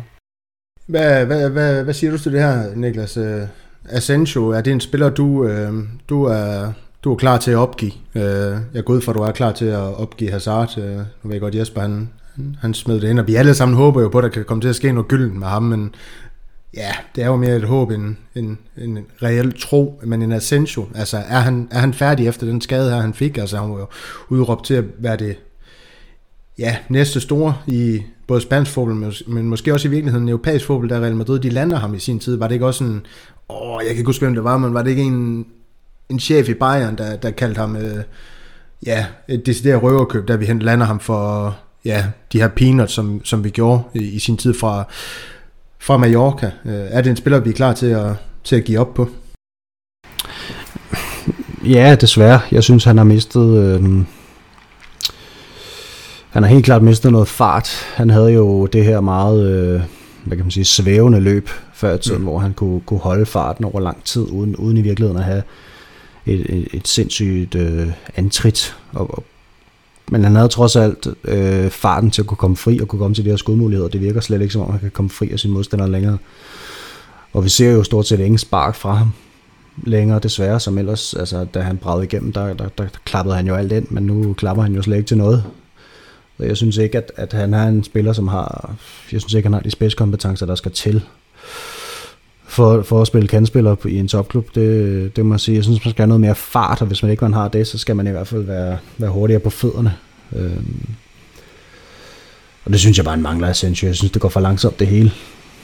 Alt, hvad han laver desværre. Det virker som om, at han fuldstændig har mistet, øh, jeg ved ikke, om det er troen på sig selv, eller om det, det simpelthen er, er fysisk, at han har mistet den, men, men nu er der gået mere end et år, siden han kom tilbage, og ja, der er vel gået ja, et års tid, siden han kom tilbage, og, og jeg tror ikke, at, at vi får ham at se igen, som, som da han var 20 år, desværre. Eden Hazard har jeg faktisk, ja, jeg ved sgu ikke, jeg, jeg, jeg, ved, jeg er nok øh, bare ikke særlig klog, men jeg bliver ved med at tro på, at der kommer et eller andet fra ham. Øh, så længe han kan holde sig skadesfri. Indtil videre har han, øh, det højeste han har opnået i Real Madrid, det er syv kampe i træk uden skade. Jeg tænker, hvis han kan nå lidt højere op end det, så skal det nok blive til noget med ham. Øh, bare man ikke forventer, at han scorer 20 mål, for det har han jo stort set aldrig gjort. Nej, men lad os, lad os tage den, fordi øh, så kan vi lige runde øh, tre hurtige af fra Delaret også, som, som også har to om Hazard her, Jesper. På en skala fra 1 til El Guerra, hvor, hvor god tror I, øh, tror jeg Hazard har mulighed for at blive i næste sæson under Ancelotti. Øh, hvis så frem, at han kan holde sig skadesfri. Øh, være klar i over 85% af kampene, skriver han så i parentes. Øh, hvis at du også vælger at sammenligne ham med det, han lavede i 18-19 øh, i, i Premier League, det er måske øh, meget for langt at, at lave den sammenligning, fordi det er jo ikke det, vi kommer til at, til at se igen fra ham, hvis han ikke nogensinde kommer på 100% med for eksempel anklen, men øh, altså, hvad, hvad er dit bud på, på det her, hvis El det er standarden, man skal... skal leve op Jamen, til. så, så, så er man jo allerede i modvind, hvis man skal nå op på El Guerras øh, øh, niveau, men, men øh, jeg, jeg, tror, vi, jeg tror fortsat på, at vi kan få noget fornuftigt ud af ham. Jeg, jeg håber, at Antonio Pintus øh, kan komme ind og få, få styr på de her skadesituationer og, og styre øh, spillernes øh, form og, øh, og præstationer lidt bedre, end, end øh, vi, vi har set i den forgangne sæson. Øh, så tror jeg godt, vi kan få en, en fornuftig spiller ud af Hazard. Øh, jeg tror desværre ikke, at øh, vi får alt det ud af ham, som, som de 100 millioner euro indikerede. Øh, Øh, så, så god tror jeg desværre ikke, han bliver, men, men jeg tror godt, vi kan få en fornuftig spiller ud, ud af det, som, som kan bidrage med noget. Ja, og så lad os parkere start her, så bare håbe og tro på, at Pintus han kan udrette øh, mirakler på, ja, Valdebebas' øh, træningsanlæg og, og ja, uden noget magi på de her, det her bentøj, Hazard han, han, han nogle gange øh, render rundt med. Øh, det var da opløftende at se, at han spillede sin... og det er jo bizart nok i sig selv. Første 90 minutter siden øh, var det september eller november 2019. Det er jo det er jo vanvittigt at tænke på. Altså prøv lige at, prøv lige at smage på det en gang til, ikke også? Jeg synes, det er, det er helt absurd, at han har at det er halvandet år, hvor han ikke har spillet 90 minutter. Nå, nok om det. Øh, videre til, til en serber, Jovic og det er også Delaret. Øh, den kan du få lov til, Niklas, lige at, lige at svare på. Skal Jovic efter din mening, Niklas, have endnu en chance, eller skal alle parter bare hurtigst muligt få afsluttet samarbejde? um... Altså, der er jo flere elementer i det her. Altså, det er jo det her med, kan vi ikke komme ud og få øh, spendere nogle penge, jamen, hvad er så alternativ Benzema? Det er jo en, øh, en, en forvildet antilope, ikke også i form af, af Mariano. Jo, men, men det er jo heller ikke fordi, at... Øh, for Luka Jovic, han, han, han passer ind som få i hose på det her hold, når han kommer ind på banen. Han øh, render meget i sin egen verden, ser det ud til. Og, og når, når, når offensiven ligesom er vant til, at Benzema han er, han er på bolden konstant, så er det jo så er det hårdt at, at omstille sig til, at det, det, det er Luka Jovic lige pludselig. Og det er jo heller ikke fordi, at han kom tilbage til, til Frankfurt, og så bare øh, startede en hver gang og lavede enormt mange mål. Øh, så jeg tror ikke, at jeg tror desværre ikke på, at Luka Jovic han bliver nogen kæmpe stor spiller i Real Madrid. Øh, jeg tror ikke på, at han kommer til at indgå i nogen rotationsordning på nogen som helst måde i Real Madrid. Desværre, jeg, det, man, man må nok tage det tab, der kommer. Jeg ved ikke, hvor meget man kan få for ham i dag. 20 millioner måske, hvis man er heldig. Øh, man gav selv 60, ikke også? For et par år siden. Jeg, ja, det, det er en ærgerlig situation. Det, det, det må vi sige. Det, måske er skældet for stort mellem ham og Benzema, altså spillestilsmæssigt. Øhm, det, det, det, det er jo en spiller, som måske kunne komme ind og få noget, noget impact i de her slutminutter, fordi han er så stærk i feltet, men, men det er jo sjældent det, man har brug for i Real Madrid i virkeligheden. Og der vil jeg også også lige sige, at Real Madrid, når, når, når de skal jagte et mål, så, så er det jo ofte sådan, at under Zidane i hvert fald, at man bare køler alt frem. Bare lægger seks mand på linje op på, på, på modstandernes forsvarslinje, og det er jo heller ikke sådan, at det, det er jo ikke særlig givetigt for en spiller som Luka Jovic, at det er de her tidspunkter, han kommer ind på. Øhm, men nej, ja, vi skal jo bruge, jeg ved, altså, vi skal jo bruge noget andet end, end ham og en, en Mariano Diaz. Han skal jo heller ikke ind og spille tid på det hold her, for fanden så, nej, nej, men altså, jeg er helt enig med dig. Jeg tror, jeg tror det her... Det, det er jo en håbløs situation, fordi man ja. har en spiller som Luka Jovic, som øh, sikkert på et eller andet tidspunkt igen kommer til at lave en masse mål, men det, det bliver altså bare ikke Real Madrid. Han er kommet til på det forkerte tidspunkt, tror jeg. Ja, ja det er han. Øh, man, man kunne jo måske uh, sende ham til til uh, Frankfurt permanent igen, og så hive ja. uh, deres nye komet til Real Madrid i Adrian Silva, der, der har scorer rigtig, rigtig mange mål i, i tysk fodbold i den forgangne sæson. Jesper, du vil gerne lige byde ind i snakken om Jovic. Ja, fordi jeg har stadigvæk en eller anden øh, naive tanke om, at han faktisk godt kunne komme til at fungere i Real Madrid.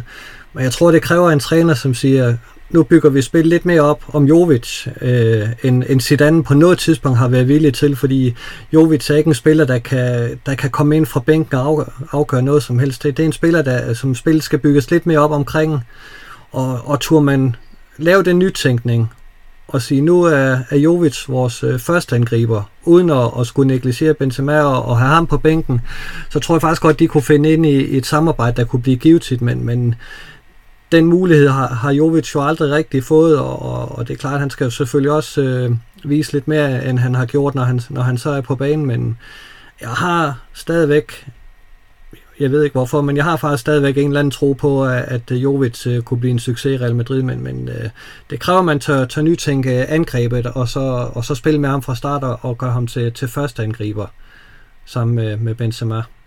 Men der er jo også med, noget med Jovic i forhold til, til fans og sådan noget. Det er jo ikke sådan en spiller, der vender Bernabeu over, Luka Jovic. Der, han, han har jo ikke et udtryk. Han er jo, virker jo som om, han er legemorder. altså, han har jo ikke et, han, han, er, han smiler ikke, og han bliver ikke sur, og han øh, mister aldrig nogensinde besendelsen. Noget som helst. Altså, det, det, det er sådan en spiller, når de ikke kører for ham, så, så ser det rigtig, rigtig skidt ud. Ja, men han, der, der, der, der vil jeg give dig ret i, han, han kan godt øh, undskyld, hurtigt få Banabeo mod sig, fordi han har ikke et eller andet øh, øh, skævt, der lige gør, at øh, ham kan vi sgu godt lige, øh, sådan som, som mange af de andre angriber har haft det, men, men øh, han skal vinde Bernabeu ved at lave mål, og, og den, den evne, den har han jo, det, det har han vist, øh, øh, og, og den, den, den kunne jeg delt med godt tænke mig, at man kunne finde frem igen, fordi han er jo ekstremt klinisk, når det, når det kører for ham. Altså hvis jeg skal tage Jesper i forsvar, så, så er det ikke første gang, han har haft en naiv tro på, på et eller andet. Så, så, så ja. men lad os håbe på den her naive tro, det kan, altså det er jo lidt det, man skal håbe på, fordi vi har jo trods alt postet nogle, nogle penge i, ja, det talent Jovic han jo, øh, jo, kan man sige, havde har, ikke også? Øhm, men, men det bliver bare svært, når du har en, når du har verdens bedste angriber i, i truppen, så, så er det simpelthen næsten umuligt at få spilletid. Så skal der skade og, og, og diverse ting, ikke også? Øhm, men øh, lad, lad os parkere den her med Jovic, øhm, og nu får du lov til at få lidt taletid med det, fordi du har jo selv bragt Altså, du, du er jo faktisk lidt rundt omkring. Du både nævnte Mbappé, du nævnte, du nævnte Bale, og jeg ved ikke, hvad du ellers ja. uh, fik snakket om, da vi skulle snakke uh, ja, lidt om Ancelotti, men uh, Bale, der kommer et uh, par spørgsmål her fra, fra Jon uh, Vejlø fra vores Facebook-side, og Thomas Prehn Mortensen fra vores Facebook-side. Uh, Jon, han vil gerne uh, høre dig om, om du har skiftet mening vedrørende Bale, og han påpeger, hæfter sig ved øh, de mål, han har scoret i Tottenham, øh, for eksempel vil have haft en, en afgørende effekt på, på Real Madrids sæson i sidste sæson, og det kan man jo ja, nærmest ikke være uenig i. Og så skriver Thomas, øh, Bale skulle efter sine have et godt forhold til Ancelotti. Tror I, dette forhold kan medføre, at Bale spiller for Real Madrid i næste sæson? Så først din sådan holdning til Valiseren. Øh, du talte åbenbart positivt om ham tidligere. Øh, og så om det kunne ende med, at han blev i Real Madrid, fordi at ham og Ancelotti, de skulle have et godt forhold. Først og fremmest skal det dele med ikke hedde sig, at jeg, jeg snakker godt om, om Gareth Bale. Det, det, var, det, var et, det var et tankeeksperiment. øhm, det, nu har jeg jo ikke kommet min, min holdning her, så den kan jo komme nu, og det er jo, at jeg, altså jeg er så træt af ham. Det, jeg er virkelig, virkelig træt af ham. Jeg synes, han er en joke, og, øh, og jeg synes ikke, han burde øh, spille i Real Madrid-trøjen længere, så det, den holdning har jeg egentlig stadigvæk, og det er jo også på trods af, at han har lavet de her ja, okay med mål øhm, i, i Tottenham, hvor de, han, han ja, hvad spillede de mod? Anden divisionshold fra Østrig og et boglamt øh, Sheffield hold og ja, så var der nok også nogle gode præstationer undervejs, men, men jeg tror jo ikke rigtig på øh, jeg er ikke sikker på, at han kan finde den motivation i, øh, i Real Madrid. Altså han, han virker virkelig som en spiller, der skal have noget kærlighed, og Øh, det har han jo ikke fået for Zidane, umiddelbart, øh, i og med at øh, Zidane nærmest aldrig har været mere, mere bramfri, end da han var ude og sige, at nu skal Bale skifte, og det kan ikke gå for hurtigt, og så blev han alligevel. Ikke? Øhm, min tanke var, at nu bliver der snakket om det her gode, gode forhold til Ancelotti, altså jeg, det ved jeg faktisk ikke, om det er rigtigt, eller om det er, eller hvordan det ligger, men, men der er ingen tvivl om, at hvis at Bale han skal blive i klubben, så er det jo noget med at få det bedste ud af ham. Vi får ikke noget ud af den her mærkelige pauseklovn ude på tribunerne, der sidder og skaber sig for kameraerne. Så er det noget med at få noget ud af ham og prøve at få den Bale frem, som, øh, som Tottenham har, har kunne øh, hive frem, og som også øh, har fundet en eller anden, han har fundet en lidt mere playmaker rolle hos, øh, hos Wales her under EM. Øh, også i den forstand, at han jo ikke finde ud af, kan finde ud af at sparke mindst selv de store chancer, men derimod kan lægge dem op til de andre. Så jeg tror godt, Bale han kunne, øh, han kunne gøre en forskel på den højre kant, hvor der ved Gud ikke har været mange gode højre kanter i løbet af, af de seneste sæsoner, og der er Bale jo også selv en af dem. Øhm, men om, om, om trænerskiftet simpelthen kunne gøre det, det, det vil jeg ikke være afvisende overfor, men jeg vil ikke kunne lide at kigge på det. Det, det, må, det må jeg indrømme. Nej, men det er også fint nok at få din subjektive holdning til ham, men øh, også for at snakke lidt mere, hvad skal man sige, op på et lidt andet ja, niveau, hvor, hvor man får diskuteret den rolle, han ja, øh, eventuelt vil kunne have under en Ancelotti, fordi du har jo ret i, at det, det har været, ja, lad os bare sige det som det er militært elendigt du på den højre kant der i, i Real Madrid i rigtig, rigtig lang tid. Øh.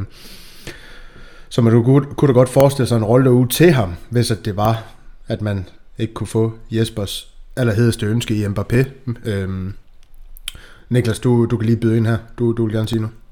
Ja, ja, og det er egentlig lidt det er omkring det her forhold, øh, Bale og Ancelotti har, fordi at det undrer mig lidt det her med, at, at der bliver sagt i, i medierne nu her, at de skulle have så godt et forhold, fordi måden det sluttede på sidst med Ancelotti, det, det havde jo noget med Gareth Bale at gøre også. Hvis man skal tro på historien og tro på Ancelottis egne citater, så, så har det jo vist sig, at, at Gareth Bale og hans øh, dejlige agent, øh, hvad hedder han, Jonathan Barnett, er gået bag om ryggen på Angelotti simpelthen og har talt med Florentino Perez, hvilket har, hvilket har gjort, øh, at, at Angelotti og, og Perez havde et, et skænderi af en art simpelthen. Det, det, det, det havde noget at gøre med, at Bale han spillede ikke den position, han gerne ville spille, og, og så var der også en kamp, hvor Bale han simpelthen blev flået ud, fordi han, øh, han havde spillet for selvisk. Øh, så vi skal huske på, at Bale han har været en, en spiller, som både under sit andet under Ancelotti faktisk har været ekstremt beskyttet af Florentino Perez. Øhm, det, det stoppede så gudskelov i, i Zidane sidste periode her, men ja, jeg, jeg, det ved jeg ikke. Det vil, jeg ved godt, at Ancelotti har også været ude at tale godt om Bale, og Bale har været ude at tale godt om Ancelotti her til sidst, men de har altså haft deres ting før i tiden. Jamen helt klart. Uh, Malte, du vil uh, lige uh, indskyde nu her. Ja, jeg vil indskyde uh, lidt omkring uh, den rolle, Bale vil kunne få på holdet, hvis vi mm. vurderer, at han rent faktisk kan finde sit, uh, sin motivation til at gøre en forskel. Fordi så har han jo det her, altså vi kan spille meget mere direkte med Bale. Han har jo stadigvæk de her altså, afleveringer, der kan ryge en halv bane fra den ene kant til den anden, og de ligger jo ofte øh, meget, meget præcist, og så har han jo den her enorme fysiske ja, altså han fylder meget i feltet, han kan komme i feltet, vi har, vi har mange gange øh, efterspurgt midtbanespillere, der kan komme i feltet, og altså, hvad, hvad hjælper det, at Asensio skal ind og kæmpe med nogle store øh, e forsvar altså der, der, kan, der er helt sikker på, at Bale han kan gøre en forskel, så han vil også give en ny dimension i forhold til en, en venstrebenet playmaker-agtig højrekant som Asensio, eller en højrebenet Rodrigo. Øh, så jeg er helt sikker på, øh, eller ja, det vil bare være en tilføjelse til, hvad det er, han kan, han kan bidrage med, hvis vi kan få det bedste ud af ham. Jesper, du, du sidder og forsøger at, at stridt lidt med fingeren. Yes. Jeg tænker bare, at sportsligt øh, synes jeg jo ikke, der er nogen tvivl om, at øh, Bale er jo ikke bare lidt bedre end Asensio og Rodrigo, han er markant bedre. Altså. Øh, men, men øh, der er jo også bare det at sige til det, at, at vi er kommet til et punkt, hvor, hvor Bernabeu ikke længere tilgiver, og den situation er, er, er Bale havnet i, øh, og, og han får det ikke lidt, når, når han kommer tilbage, og, og, og han kan ikke hives op med rødderne. Så, så han er jo også godt klar over, at han har ikke en fremtid i, i Real Madrid. Altså han, han snakker om, at, at, han skal tilbage, fordi det, det fortæller hans kontrakt, at han skal, øh, når, når legemålet med Tottenham ophører. Men han ved jo godt, at det ikke er for at blive. Altså han er, han er væk, øh, og, og sådan skal det også være. Altså han skal jo ikke ind og, og spille, fordi han tilfældigvis lige er, er bedre end Rodrigo og Asensio. Der, der, skal vi, der skal vi simpelthen lidt højere op. Bale er væk. Den her angrebssnak, den er slut, og vi hopper videre til noget transfersnak. Jeg kan vel også vælge at, at kalde den Mbappé Holland snak. Men til at starte med, Jesper, jeg bliver lige ved dig, så er Steffen Hansen ind på Twitter skrev, kan Real Madrid handle stort ind? Er økonomien der til det? Er det noget, du har nogen idé om, øh, hvad Real Madrid de har, har at gøre med? Øh, har man lagt nogle penge til side til at kunne lave et eller andet ja, lækkert på det her transfermarkt, som vi måske i virkeligheden alle sammen ønsker? Jeg er stadigvæk lidt presset på, på den her pandemi. Den, den er man jo ikke helt fri af endnu. Øh, så, så det vil jo komme til at afhænge af, hvad, hvad vi kan sælge af, af, af spillere. Øh, øh, og, og det er jo for en stor del vedkommende det, der skal finansiere de, de kommende indkøb. Øh, men der er ingen tvivl om, at, at dagens nyhed om, at uh, tilskuerne vender tilbage til, til Bernabeu, og så, og så vidt som jeg har forstået, så er det, så er det fuld belægning fra, fra første spilledag. Mm. Det betyder da alverden uh, for, for Real Madrid, fordi nu, nu kan man gå ud og, og få øh, opkræve penge fra sæsonkortholderne igen. Det, har man, det stoppede man jo med, da, da man lukkede stadion ned. så sagde man, så vil vi ikke kræve penge fra, for fra medlemmerne, når, når de ikke kan komme på stadion og se, se fodbold. Øh, det, det, det er jo lidt en anden øh, taktik, end, end Barcelona gjorde. De, de fortsatte med at, at kræve penge fra, fra deres øh, tilskuere. Det er ikke for at, at hakke på, på dem. Jo, øh, det, jo, det, det kunne jeg sagtens finde på. Nå, okay. Ja, det skal vi. Så pyt, afsløret. Men, men Real Madrid stoppede faktisk med at, at opkræve de penge, og, og, og dem kan de jo så få i, i kassen nu igen, og, og de falder da bestemt på et tørt sted. Så, så jo, der, der vil være flere penge, end, end der har været i, i rigtig, rigtig lang tid. Men, men det er også klart, at er man efter Haaland og Mbappé, så, så skal der også nogle nuller på den check. Ja, og, og, og er vi efter dem, Niklas, men har vi ikke nogen penge, øh, så er det selvfølgelig også urealistisk, at vi kunne, øh, ja, at vi kan hente Haaland eller Mbappé. Øh, og der er endda en Thomas Holland Skov, Skovby Arkman inde på Facebook, der skriver, beklager Jesper til det, øh, og hvorfor må dog det? Øh, øh, Jesper, han har jo snakke om, at øh, ja, var det ikke at både Holland og Mbappé, du faktisk vil have ind på den her i truppen i næste sæson? Det tror jeg næsten, det var. Det skal vi ikke hænge os mere i, Jesper. Den her naive tro, det var ikke... Øh... Nå, nej, undskyld. Ja, undskyld, nu skal jeg nok lade være. Men hvis, hvis vi tager dem her ud af ligningen, Niklas, altså Holland og Mbappé, hvem kunne du så forestille dig, at, at Real Madrid, de ellers kunne gå efter, der kunne score de her mål, som ja, kun øh, det lader til, at det kun er Benzema, der kan finde ud af. Du har nævnt Gerard Moreno før, for eksempel. Ja, han vil da være spændende at få ind. Det, det, det, det synes jeg var en spiller, som kan øh, lidt af det samme som Benzema, bare lidt mere direkte i det. Øhm, kan også godt spille på højre kanten. Men, men lige nu virker det jo nærmest som om, at det er, det er Mbappé eller Haaland eller ingen øhm, for Real Madrid i år. Og, og rygterne, rygterne er der jo, må man sige, omkring de to lige i øjeblikket. Der er jo nogen, der keder sig ude på aviserne. Så man, man skal jo dagligt læse om, at øh, nu har Mbappé altså bestemt sig for, at han ikke gider forlænge Paris. Så nu bliver det nødt til at sælge til sommer. Og nu er Real Madrid enige med, med Holland omkring de personlige ting. Og jeg vil sige, jeg skal se det før, jeg tror det. Det, det må jeg sige. Det, det virker lidt som om, at man som om der ikke er så meget andet på angriberpositionen lige nu, eller den offensive position, i, end, end de to. I, øhm, og det er jo også det er jo også det, der skal til. Florentino Pérez er måske ikke specielt populær lige nu, og han kunne nok rigtig godt tænke sig at, at komme ind med det helt store trofæ, når, når det nye Bernabeu skal åbnes. Øhm, efter ja, både efter den her europæiske Superliga og efter Zidane øh, afsked igen og, og hans efterfølgende brev, der, der er Florentino Pérez jo ikke så populær, som han var for øh, et halvt år siden, hvor han jo var altså sindssygt populær. Det er hurtigt gået ned ad bakke, øh, så han kunne godt tænke sig at rette lidt op på det, tænker jeg. Ja, øh, Jesper, det lige, du vil tilføje nu her.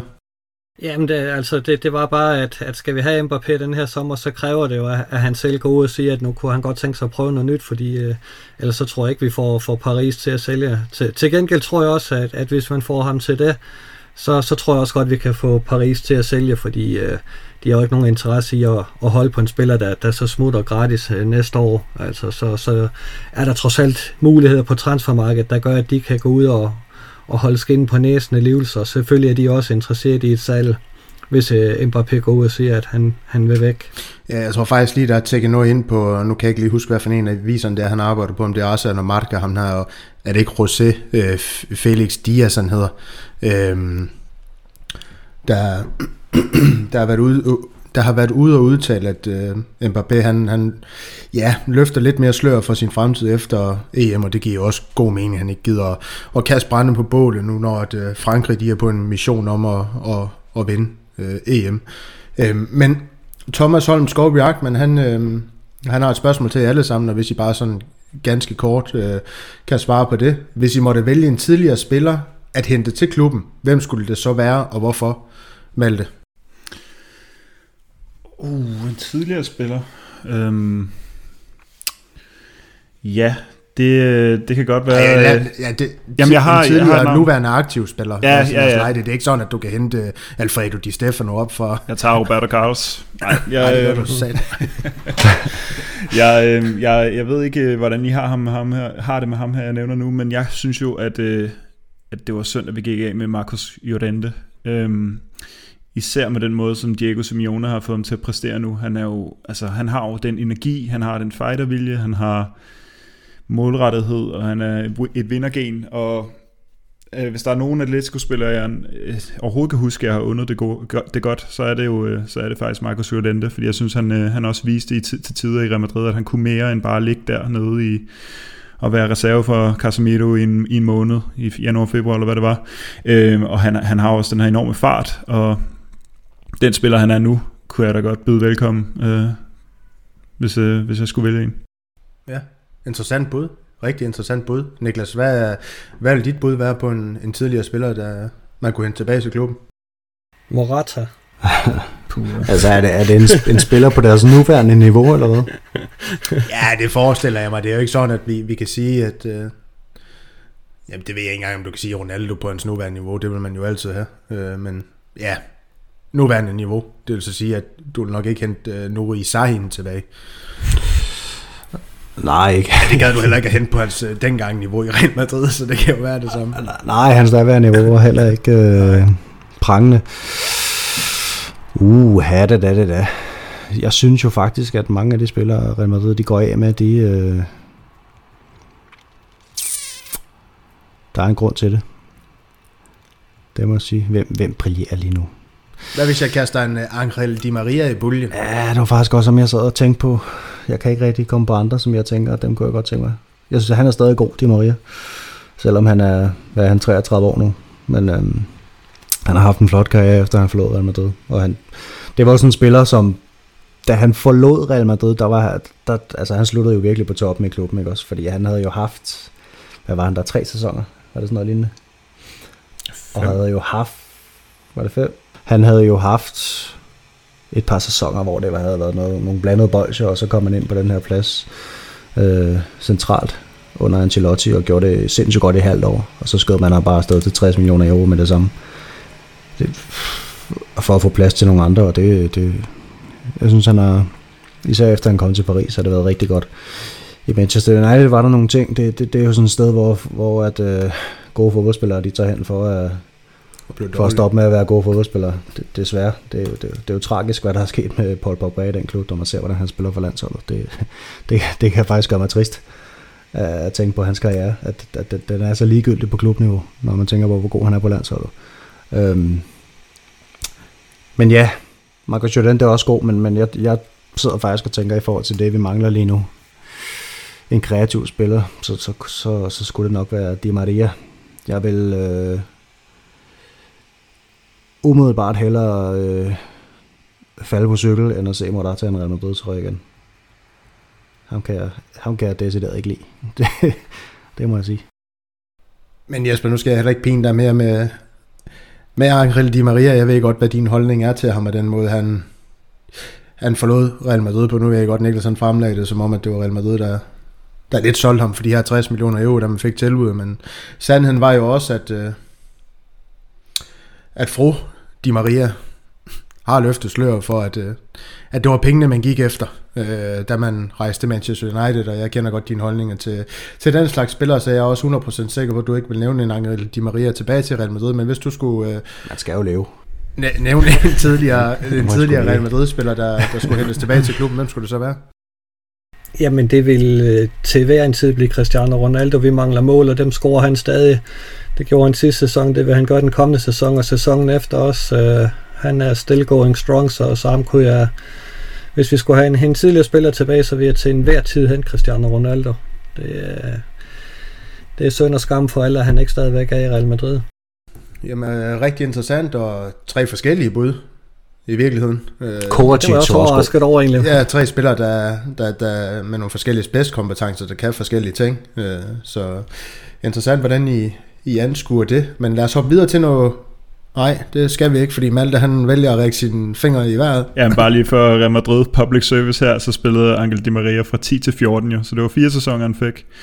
Og så vil jeg lige øh, indskyde et, øh, et alternativ, det kunne være Mario Hermoso, så vi slap for Vallejo øh, i centerforsvaret. og jeg snakker videre, fordi øh, Daniel sidder og spiser chips og i venstrebenet midterforsvaret. Jeg skulle lige have gjort noget med blodsukker. Det Skylder den ned med en whisky, eller hvad det er? Jeg er lidt lav nu. Men Mbappé Haaland, der er også kommet del omkring det. Øhm, øhm, en Jan Iversol på Facebook, han, han indleder sådan set med at sige, at han synes, Mbappé tit blev nævnt, og det var det her også Malte, han ja, forsøgte at berøre dengang han ja, famlede til højre og venstre med, med spillere, han fik nævnt, øh, som naturlig højrekant for Real Madrid. Men han har stort set kun set ham spille i front eller til venstre. Og her har jeg indskudt, som vi for eksempel ser med det franske landshold i de her dage, hvis man har set dem spille under EM i, i det her gruppespil. Og i tillæg kan jeg tilføje lidt statistik fra hans tid i PSG øh, ved hjælp af transfermarkt. Han har spillet 86 kampe på det, de mener er nieren, 46 kampe på højre kanten, 37 kampe på venstre kanten og to kampe som en slags hængende angriber. Han har spillet 171 kampe i alt for PSG, og altså ud af de her 171 kampe, der er det blot 27% af disse, der har været på højre kanten. Jesper, du har selv nævnt, at han, han, kunne, han kunne nappe den her højre kant. Øhm, og Jan han spørger derfor, hvordan kan vi være så sikre på, at han vil kunne ramme samme niveau der, de her ting en mente. Jeg synes gennem, skriver han, de seneste år, øh, at han har set flere spillere falde igennem efter at være blevet presset derover. Han nævner Rodrigo, han nævner Asensio, han nævner Bale. Tror I, han kan være lige så kamperafgørende i højre side, eller får vi endnu en, altså endnu en spiller, der konkurrerer med øh, spillere som Hazard, Vinicius, øh, om den her venstre kant. Jesper, du kan få lov til at svare til at starte med på det her spørgsmål. Jamen, jeg tror, at, at når Mbappé kommer, så vil man lægge meget spil an på ham, og jeg kunne godt forestille mig, at Mbappé får en meget friere rolle, end han har haft i Paris og, og på det franske landshold, så, så han ikke er, er låst fast til enten en af kanterne eller lige bag angriberen. Jeg tror, man vil forsøge at udnytte den øh, dynamik, han har, den evne, han har til at drive bolden frem øh, øh, til at, og, og gøre brug er ham over hele banen. Øh, det, det kan man sagtens gøre samtidig med, at man holder ham målfarlig. Øh, så, så jeg tror ikke, man vil låse ham fast til en enkelt kant. Men, men, øh, men, men jeg er ikke i tvivl om, at han sagtens vil kunne brillere på højre kanten. Det er, det er jeg faktisk slet ikke i tvivl om, at, at han godt vil kunne. Mm. Men det er jo en, det er jo en interessant øh, problematik, kan man sige, øh, Malte, og du vil også selv have været indorden. Men man kan jo sige også lidt, som Jesper, han er inde under friere rolle, men en offensiv, lad os sige, den blev Hazard, Mbappé, Benzema, altså, så begynder vi vel også at snakke, det jeg ikke vil berøre tidligere, men positionløs fodbold på en eller anden måde. Så de her spillere, de kan jo både navigere på nieren, højre kanten, venstre kanten, så kommer vi, det, det, blev, det blev vel også en styrke på en eller anden måde, i stedet for en svaghed. Ja, det kunne jeg godt forestille mig i hvert fald. Øh, og også fordi Benzema har jo også en meget fri rolle foran, så man havde sådan tre offensive øh, øh, spillere, der, der, kunne, der kunne rykke lidt rundt, og det tror jeg også... Øh, Ja, det tror jeg godt, uh, Ancelotti vil kunne få til at fungere også.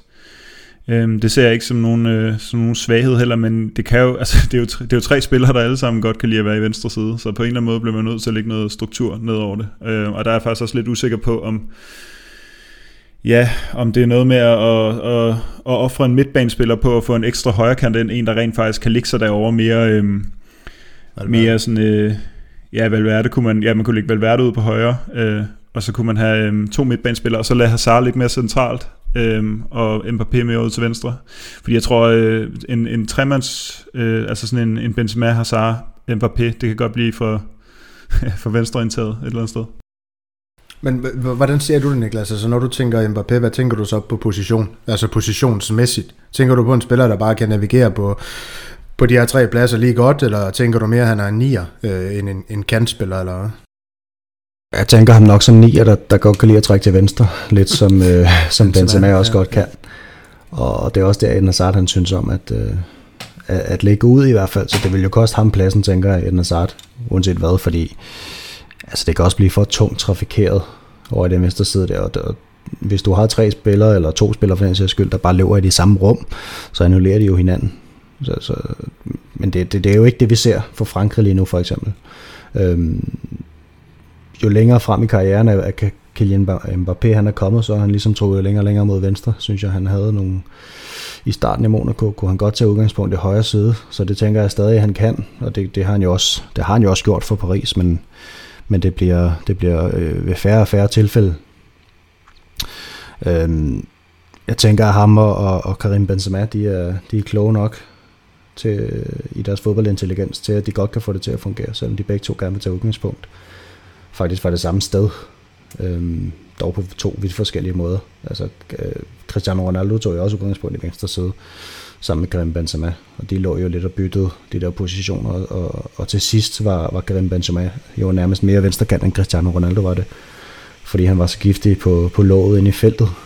Øhm, der er Mbappé ikke helt endnu. Han, han, han har den der fart og, og antrit og styrke, som, som, som en ung Cristiano Ronaldo også havde. Øhm, så, så jeg tænker, der, der, ville skulle, skulle roteres lidt, ja, og så ville vi have en spiller, som skulle, skulle kunne, kunne strække modstandernes forsvar, for det, det, det, det gør det jo også nemmere for modstanderne, hvis de ved, at alle angrebene kommer over venstre side. Ja, lige præcis. Øhm, og, og vi har fået flere af den her slags spørgsmål om, om de her, ja, Hazard, Mbappé og, og Benzema, hvordan de eventuelt kunne fungere sammen, og jeg synes egentlig i virkeligheden, at vi får vi ved, vi ved jo også fra, fra de sidste 10 år, at Benzema han er sådan en, der spiller sine medspillere bedre, og han behøver ikke at være den, der, der er i centrum hele tiden. Det, det kan jeg forestille mig, at Mbappé han er et sted lige nu, hvor han gerne vil være i centrum, og det skal han også være. Han er, han er fodboldens hellige gral, han er, han er den, man gerne vil have, hvis man er verdens største fodboldklub. Det, det er der ingen tvivl om, så det, så det er da ham, der skal være i centrum, hvis han kommer til Real Madrid, og så at Benzema bare manden, der kan løsne fuldstændig op for det der, og, og iscenesætte ham, som han gjorde det med Cristiano Ronaldo. Og det var også derfor, det var ham, der fik lov til at fortsætte, tænker jeg, og Higuain, der, der måtte finde på noget andet at lave øh, i sin tid. Ja, så er det jo fint, de lige kan, de lige kan følge hinanden lidt an på, på det franske landshold, og ja, forhåbentlig få den her ja, gode kemi, der, der kan blive videreført til Real Madrid. Men øh, en anden spiller, Jesper, øh, en Dennis Ågaard Lund, igen fra Facebook, han spørger, eller han konstaterer faktisk, når nu når vi køber Holland med krydset fingre godt nok. Hvad tror I så, der kommer til at ske med Benzema og Jovic? Kommer vi til at se en Benzema i in situation med Holland og Jovic, eller sælger vi Jovic for at finansiere Holland køb? Vi har jo lidt berørt, hvad der skal ske med Jovic, men altså, hvordan kommer du til at se det her puslespil? Altså, henter vi Holland, er det så på bekostning af både Benzema og, og Jovic? Det er ikke nødvendigvis på bekostning af Benzema, men det er 100% på bekostning af Jovic. Altså, de kommer ikke til at indgå i en, i en rotationsordning, øh, fordi der er Holland så langt frem øh, nu både navnemæssigt og, og spillemæssigt, så, så han vil, vil glide direkte ind også. Øh, altså, det, det, der er nok ingen tvivl om, at det er Papa Pæres øh, våde drøm at se Holland og Mbappé øh, i front øh, hos Real Madrid, og så kan de ni andre positioner næsten være ligegyldige. Det kan de ikke helt, men, men øh, han vil rigtig gerne se de to sammen, fordi det er de to spillere, der vil komme til at, at tegne øh, europæisk fodbold de, de næste 10 år. Så, så dem er han rigtig interesseret i, og det, det kommer Jovic ikke til at stå i vejen for. Nej, lige præcis, men øh, Malte, vi har en RG Blanco fra vores forum, der er lidt, øh, der også skriver noget med om, om, om, om du synes, at Holland han vil være godt fedt til Real Madrids nuværende hold, en mindre at Benzema han er så god, som han er. Altså er det to spillere, der kan harmonere sammen på banen, hvis det bliver en Holland, man, man lander her til sommer, i stedet for en Mbappé, eller øhm, skal de, altså hvad kan man sige, øh, går Holland ind og tager spilletid for Benzema, eller kommer Holland til at sidde på bænken, og Benzema er alene frem, altså hvad, hvad tror du, der kommer til at ske, hvis man lander en Holland? Altså han er jo, prima, han er jo en primær nier, hvor man kan sige, at Mbappé han kan navigere på siderne af, hvad skal vi sige, Benzema lidt mere... Ja, jamen, øh, altså hvis Holland bliver hentet, så skal han jo ind og spille, og det øh, er jeg også helt sikker på, at Benzema skal. Så hvis, hvis de bliver hentet nu her, eller hvis Holland bliver hentet nu her, så er jeg næsten 100% sikker på, at vi vil gå til et tomandsangreb. Øh, jeg kan ikke forestille mig noget andet, så må der så må det være tilbage til de gode gamle dage øh, i, øh, i Zidane-tiden. Øh, I hans første periode, hvor det var noget med Asensio og Lucas Vazquez på hver deres øh, øh, højre kant, sådan en, øh, i, en, i en klassisk 4-4-2. Altså jeg ved det ikke, men det vil være, det vil være de to år foran. Jeg kan ikke forestille mig, at Benzema han skulle rykke ned i hierarkiet på den måde.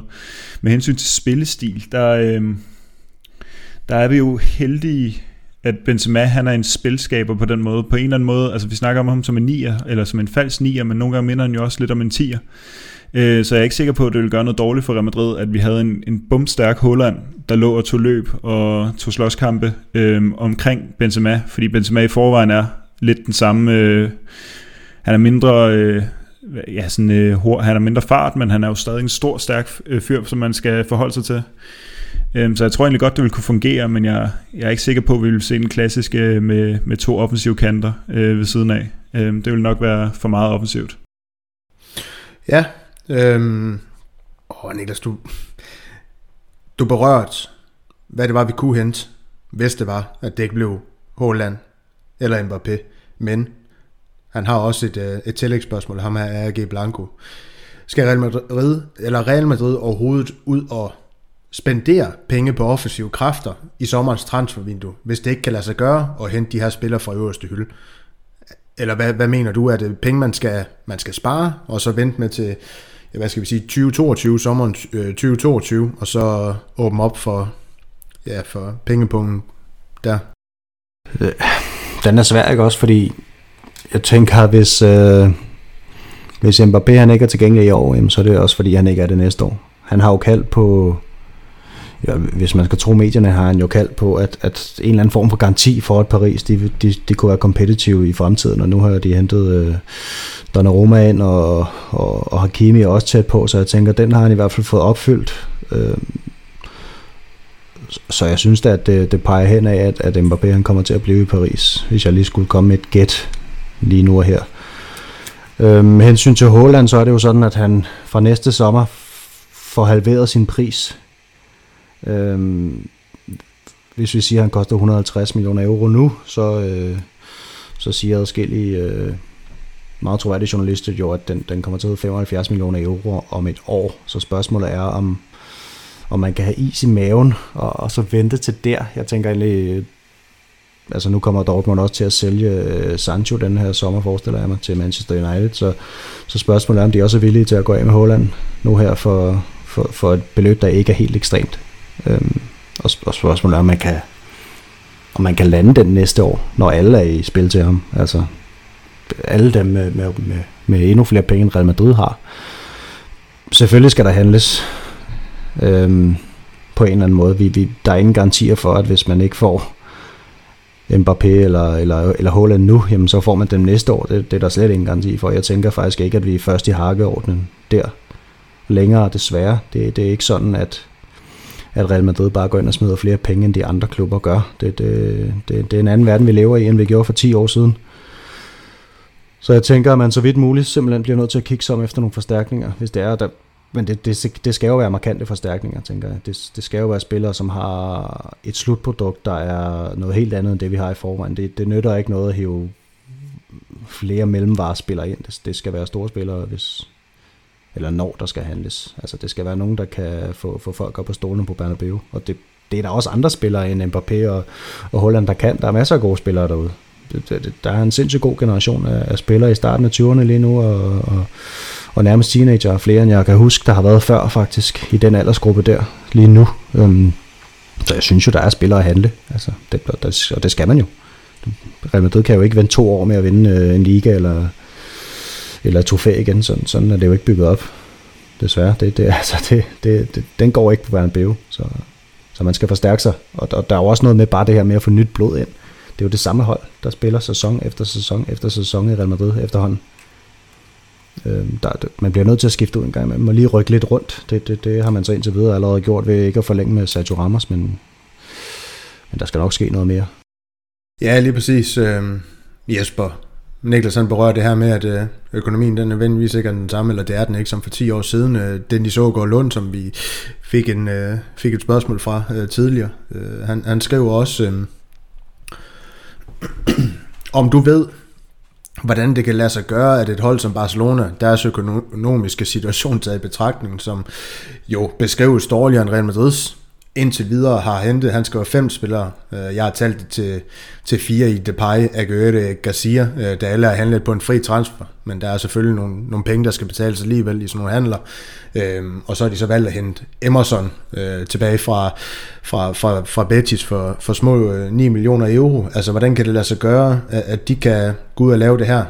når at Real Madrid efter sine skulle have en bedre økonomi, men, men ikke har råd til at, til at, ja, hvad skal vi sige, gå ud og, ud og gøre det samme. Ja, de har lige op, taget ny lån. Øh, var det ikke uh, Goldman Sachs, at de har lavet en uh, aftale med, der jeg vil skabe en, en halv milliard, uh, sådan lige til at, at klare den, den kortfristede gæld. Og så, så man skubber det, det var lidt, uh, lidt foran sig, uh, alle de her problemer. Uh, men, men det er klart, uh, Juan Laporta har også en interesse i at komme ind og, og spille med musklerne og, og vise, at, at Barcelona fortsat er en klub, så, så han, det kan godt være, at det mest fornuftige var at, at lige tage en slapper og, og prøve at komme af med den øh, milliardgælm, man har, men, men øh, han har også behov for at vise, at, at han er en, øh, en præsident, der, der kan bringe lidt drøm og lidt tro til, til Katalonien, så ja, måske forståeligt nok, øh, når, når man, hvis man prøver at sætte sig i hans stol, at, at der sker lidt. Øh, men, men, men de har optaget nye lån og, og formlagt nogle lån, så, så de har en lidt større kreditværdighed, end, end de havde tidligere. Og det, det er grunden til, at de kan, kan gøre, som de gør. Og det var et fornemt svar på det. Øh, inden den her snak, den, den render over to timer, og jeg, jeg skal sidde og redigere i, ja, i det dobbelte af den tid, så, så synes jeg, vi skal hoppe videre til de, til de to sidste spørgsmål om det, og det, og det to. Øh, det burde være relativt nemt spørgsmål at, at svare på for jer, så i stedet for at snakke ud af en eller anden vanvittig tangent, som jeg har gjort hele den her podcast, så kan det være dejligt med nogle øh, korte, konkrete svar. Øh, Lasse B. Troelsen fra Twitter. Hvad tror I, Los Blancos' chancer er for at rive et trofæ hjem næste sæson med det nuværende hold, vi har? Og det er ikke Mbappé, Niklas og Jesper. Det er med det nuværende hold, vi har. Og vi, vi, tager, lige en, oh, no, no. en, vi tager lige en panel rundt øh, på den her. Øh, Malte, hvad, hvad er dit bud på det? Øh, hvor, hvor, altså, du skal ikke gøre det i procent, Nej. det er jeg helt med på. Men øh, for eksempel den sæson, vi lige overstået, taget i betragtning af, hvad vi laver der, altså hvor stor er chancen så for, at vi får noget metal i næste sæson? Uh, vi er en lille smule mindre favoritter end i sidste sæson, i og med at Barca får forstærket sig, og Atletico er forsvarende mestre, men jeg mener stadig, at vi har størst chance for at tage det spanske mesterskab, og det vil være en skuffelse, hvis vi ikke gør det. Uh, ja, det er min vurdering. Niklas? Hmm, jeg, jeg, jeg, jeg går ud fra, at vi øh, ikke rammer 65 skader i den kommende sæson, så, så ser det jo egentlig fint nok ud. Jeg, jeg synes jo, at vi har en faktisk en ret god trup til at vinde et, et trofæ. Jeg synes, chancerne er okay, det vil jeg sige. Jeg, jeg synes ikke, det er, det er utopi at tro på, at Real Madrid kan blive mester næste år. Så stærk er Barcelona heller ikke, og heller ikke Atletico. For det, de, de, de havde en rigtig god start på sæsonen, Atletico Madrid, og ramte måske mere deres niveau lidt senere hen på sæsonen. Øhm, og det, det, er næsten svært at se dem sammensætte sådan en steam, samtidig med, at Real Madrid og Barcelona bare er, er så ustabile, som de var sidste sæson. Starten i hvert fald. Ja, øhm, Jesper, du er enig med ja, såvel Malte som, som Niklas i, i deres betragtning om næste sæson? Ja, fuldstændig. Altså, det var en gigant skuffelse, at vi ikke øh, vandt mesterskabet i, i den forgangne sæson, fordi vi har den, den suverænt bedste trup i, i Spanien. Øh, men, men ligesom Niklas, så, så håber jeg også, at det kan slippe af med nogle af de skader. Og så synes jeg, det var ekstremt spændende, at vi fik nogle af de unge her frem, altså Michael Gutierrez og Antonio Blanco og til dels, øh, hvad hedder han, Sergio Arribas. Men så kommer der jo folk hjem også, øh, altså Martin Ødegaard kunne man da håbe på, øh, at, at han kunne, kunne bygge på. Fede Valverde kan måske bygge endnu mere på, så, så der er masser af unge spillere, der, der har potentiale til virkelig at, at bygge på, så jeg synes, øh, jeg kunne selvfølgelig godt tænke mig en, en masse øh, tilgang og, og lidt nyt, men, men jeg synes også, at, at noget af det, vi har, det er rigtig spændende, og ja, vi bliver spanske mestre. Jamen, øh, så ved I det derude. Vi bliver spanske mestre i næste sæson. Det tror jeg faktisk også Jesper, han postulerer inden, øh, inden sidste sæson, men det gjorde jeg også. Nogle gange, så skal man jo også øh, ramme forbi i sin, tør jeg sige det igen, naive tro på det, på det bedste for, for det her Real Madrid-hold. Øhm, vi har øh, Estadio Santiago Bernabeu på forum, som vi alle godt ved, hvem er. Øhm, han, øh, og det er også en panel rundt, øh, hvor mange mål og titler forventer hver enkelt podcast ekspert, han kalder jer eksperter, drenge, det er store ord, at Real Madrid scorer, øh, scorer vinder i den kommende sæson. Øh, det, er nok, øh, det er nok lidt vanvittigt øh, med mål, men, men hvis, I, hvis, I, hvis I nævner, hvor mange mål I regner med, Real Madrid kommer til at score i næste sæson, og, og hvor mange titler I forventer, de vinder. Øh, Malte, du starter. Øh, jeg regner med, at vi vinder en titel, og det bliver det spanske mesterskab. Med hensyn til mål, så tror jeg, at Ancelotti vil bygge meget op omkring, at det skal være øh, farvestrålende spil, og dermed tror vi, at vi score flere mål. Det kan være, at vi lukker flere ind også. Så vel en 10 år, hvad vi lavede i år. Øh, meget lavede vi sådan noget 68 i La Liga. Øh, så 78 vil være et hurtigt bud. Jesper. Jamen, ja, det kan jo ikke siges ret meget smukkere, end det Malte lige gjorde. Altså, jeg tror også, øh, som jeg sagde, på, på det spanske mesterskab, og jeg tror også, at Ancelotti kan, kan bygge på, på offensiven, så vi kan komme til at lave lidt flere mål, end, øh, end vi har gjort. Øh, så ja, jeg, jeg går lidt højere. Jeg siger, at vi, vi runder 80. Offensivt, eller noget. Øhm, jeg kan se, at Niklas han har skiftet scene. Det ligner noget 50 Shade of Grey, han er gang i. Jeg ved ikke, om det 50 Shades of Niklas, der skal til at ske i... Lige præcis, men øh, hvad siger du til det her, Niklas? Og jamen, det bliver jo kedeligt. Det, øh, det, ja, ja, mit håb er da også, at man kommer til at, at have et lidt mere offensivt udtryk. Det er jo, det er jo den chance, Ancelotti han har som ny træner, at komme ind og ændre nogle ting, og måske få skubbet holdet lidt, lidt længere frem, og få nogle andre spillere til at fungere. Øhm, jeg vil sige, jeg håber på et mesterskab. Jeg, jeg har ingen uh, tro på, at vi vinder en, en pokaltitel. Det, det ligger åbenbart ikke til klubben. Øhm, det, det er man ligeglad med, og så tænker jeg, ja, det, det, det, de glade dage med 100 mål øh, er jo nok desværre over, så jeg tænker også, at vi kommer til at ligge der omkring der, hvor Barcelona gør nu 85-85 mål. Jamen, øh, fornuftige bud, og det var alt, vi havde for vores lytter. Det blev også næsten øh, to timer, så det var nok øh, fornuftigt nok, quizzen den blev skåret væk i dag. Øhm, og, og tak til jer, hvis I har lyttet helt til enden, lytter. Det, det sætter vi pris på. Og vi vil også sætte pris på, hvis I vil gå ind øh, forbi øh, masterdist.dk podcast på Facebook og smide os et like derinde. Vi vil sætte pris på, hvis I vil synes godt om, om det her produkt ind på SoundCloud. Øh, giv det stjerne ind i jeres øh, foretrukne podcast-app kommentere det, anmelde det, del det. Ja, faktisk bare sprede et budskab om, hvor, hvor pisse seje øh, vi er øh, til det, vi laver. Øh, fordi det er vi. Det er vi slet ikke i tvivl om, og man må godt være arrogant. Det skal vi være som Real Madrid-fans, og det er vi også. Vi er det bedste spanske produkt på, på det danske marked. Øh, det er der ikke nogen tvivl om, og, og så har jeg, har jeg lov, jeg har fået lov til at lige give et skud ud til Chris Fischer, der, der valgte at give os en, en rigtig, rigtig, øh, ja, fin, hvad skal vi kalde det, donation via vores mobile paybox, øh, som vi ikke har reklameret så meget for, og han, han, gav, han, han mente faktisk også, at vi skulle gøre det lidt mere. Øh, så det gør jeg nu. Vi har en mobile paybox, I kan finde den via vores SoundCloud, og, og fra i morgen kan I også finde den på vores Facebook-side på metodist.dk podcast, hvor jeg kommer til at lægge øh, ja, det nummer op, man kan overføre til, hvis man har lyst til at støtte projektet økonomisk. Det er ikke tvang, det er noget, man kan gøre frivilligt, hvis det er, øh, og vi forlanger det ikke. Vi, vi kommer stadig til at udgive det her ganske gratis, øh, ikke bag nogen betalingsmur, fordi vi er pisserige i forvejen. Øh, men øh, tak fordi I lyttede med, og tak for snakken, drenge. I var, I var fabelagtige, som I altid er. Det var en fornøjelse. I lige måde. A la Madrid. I nada más.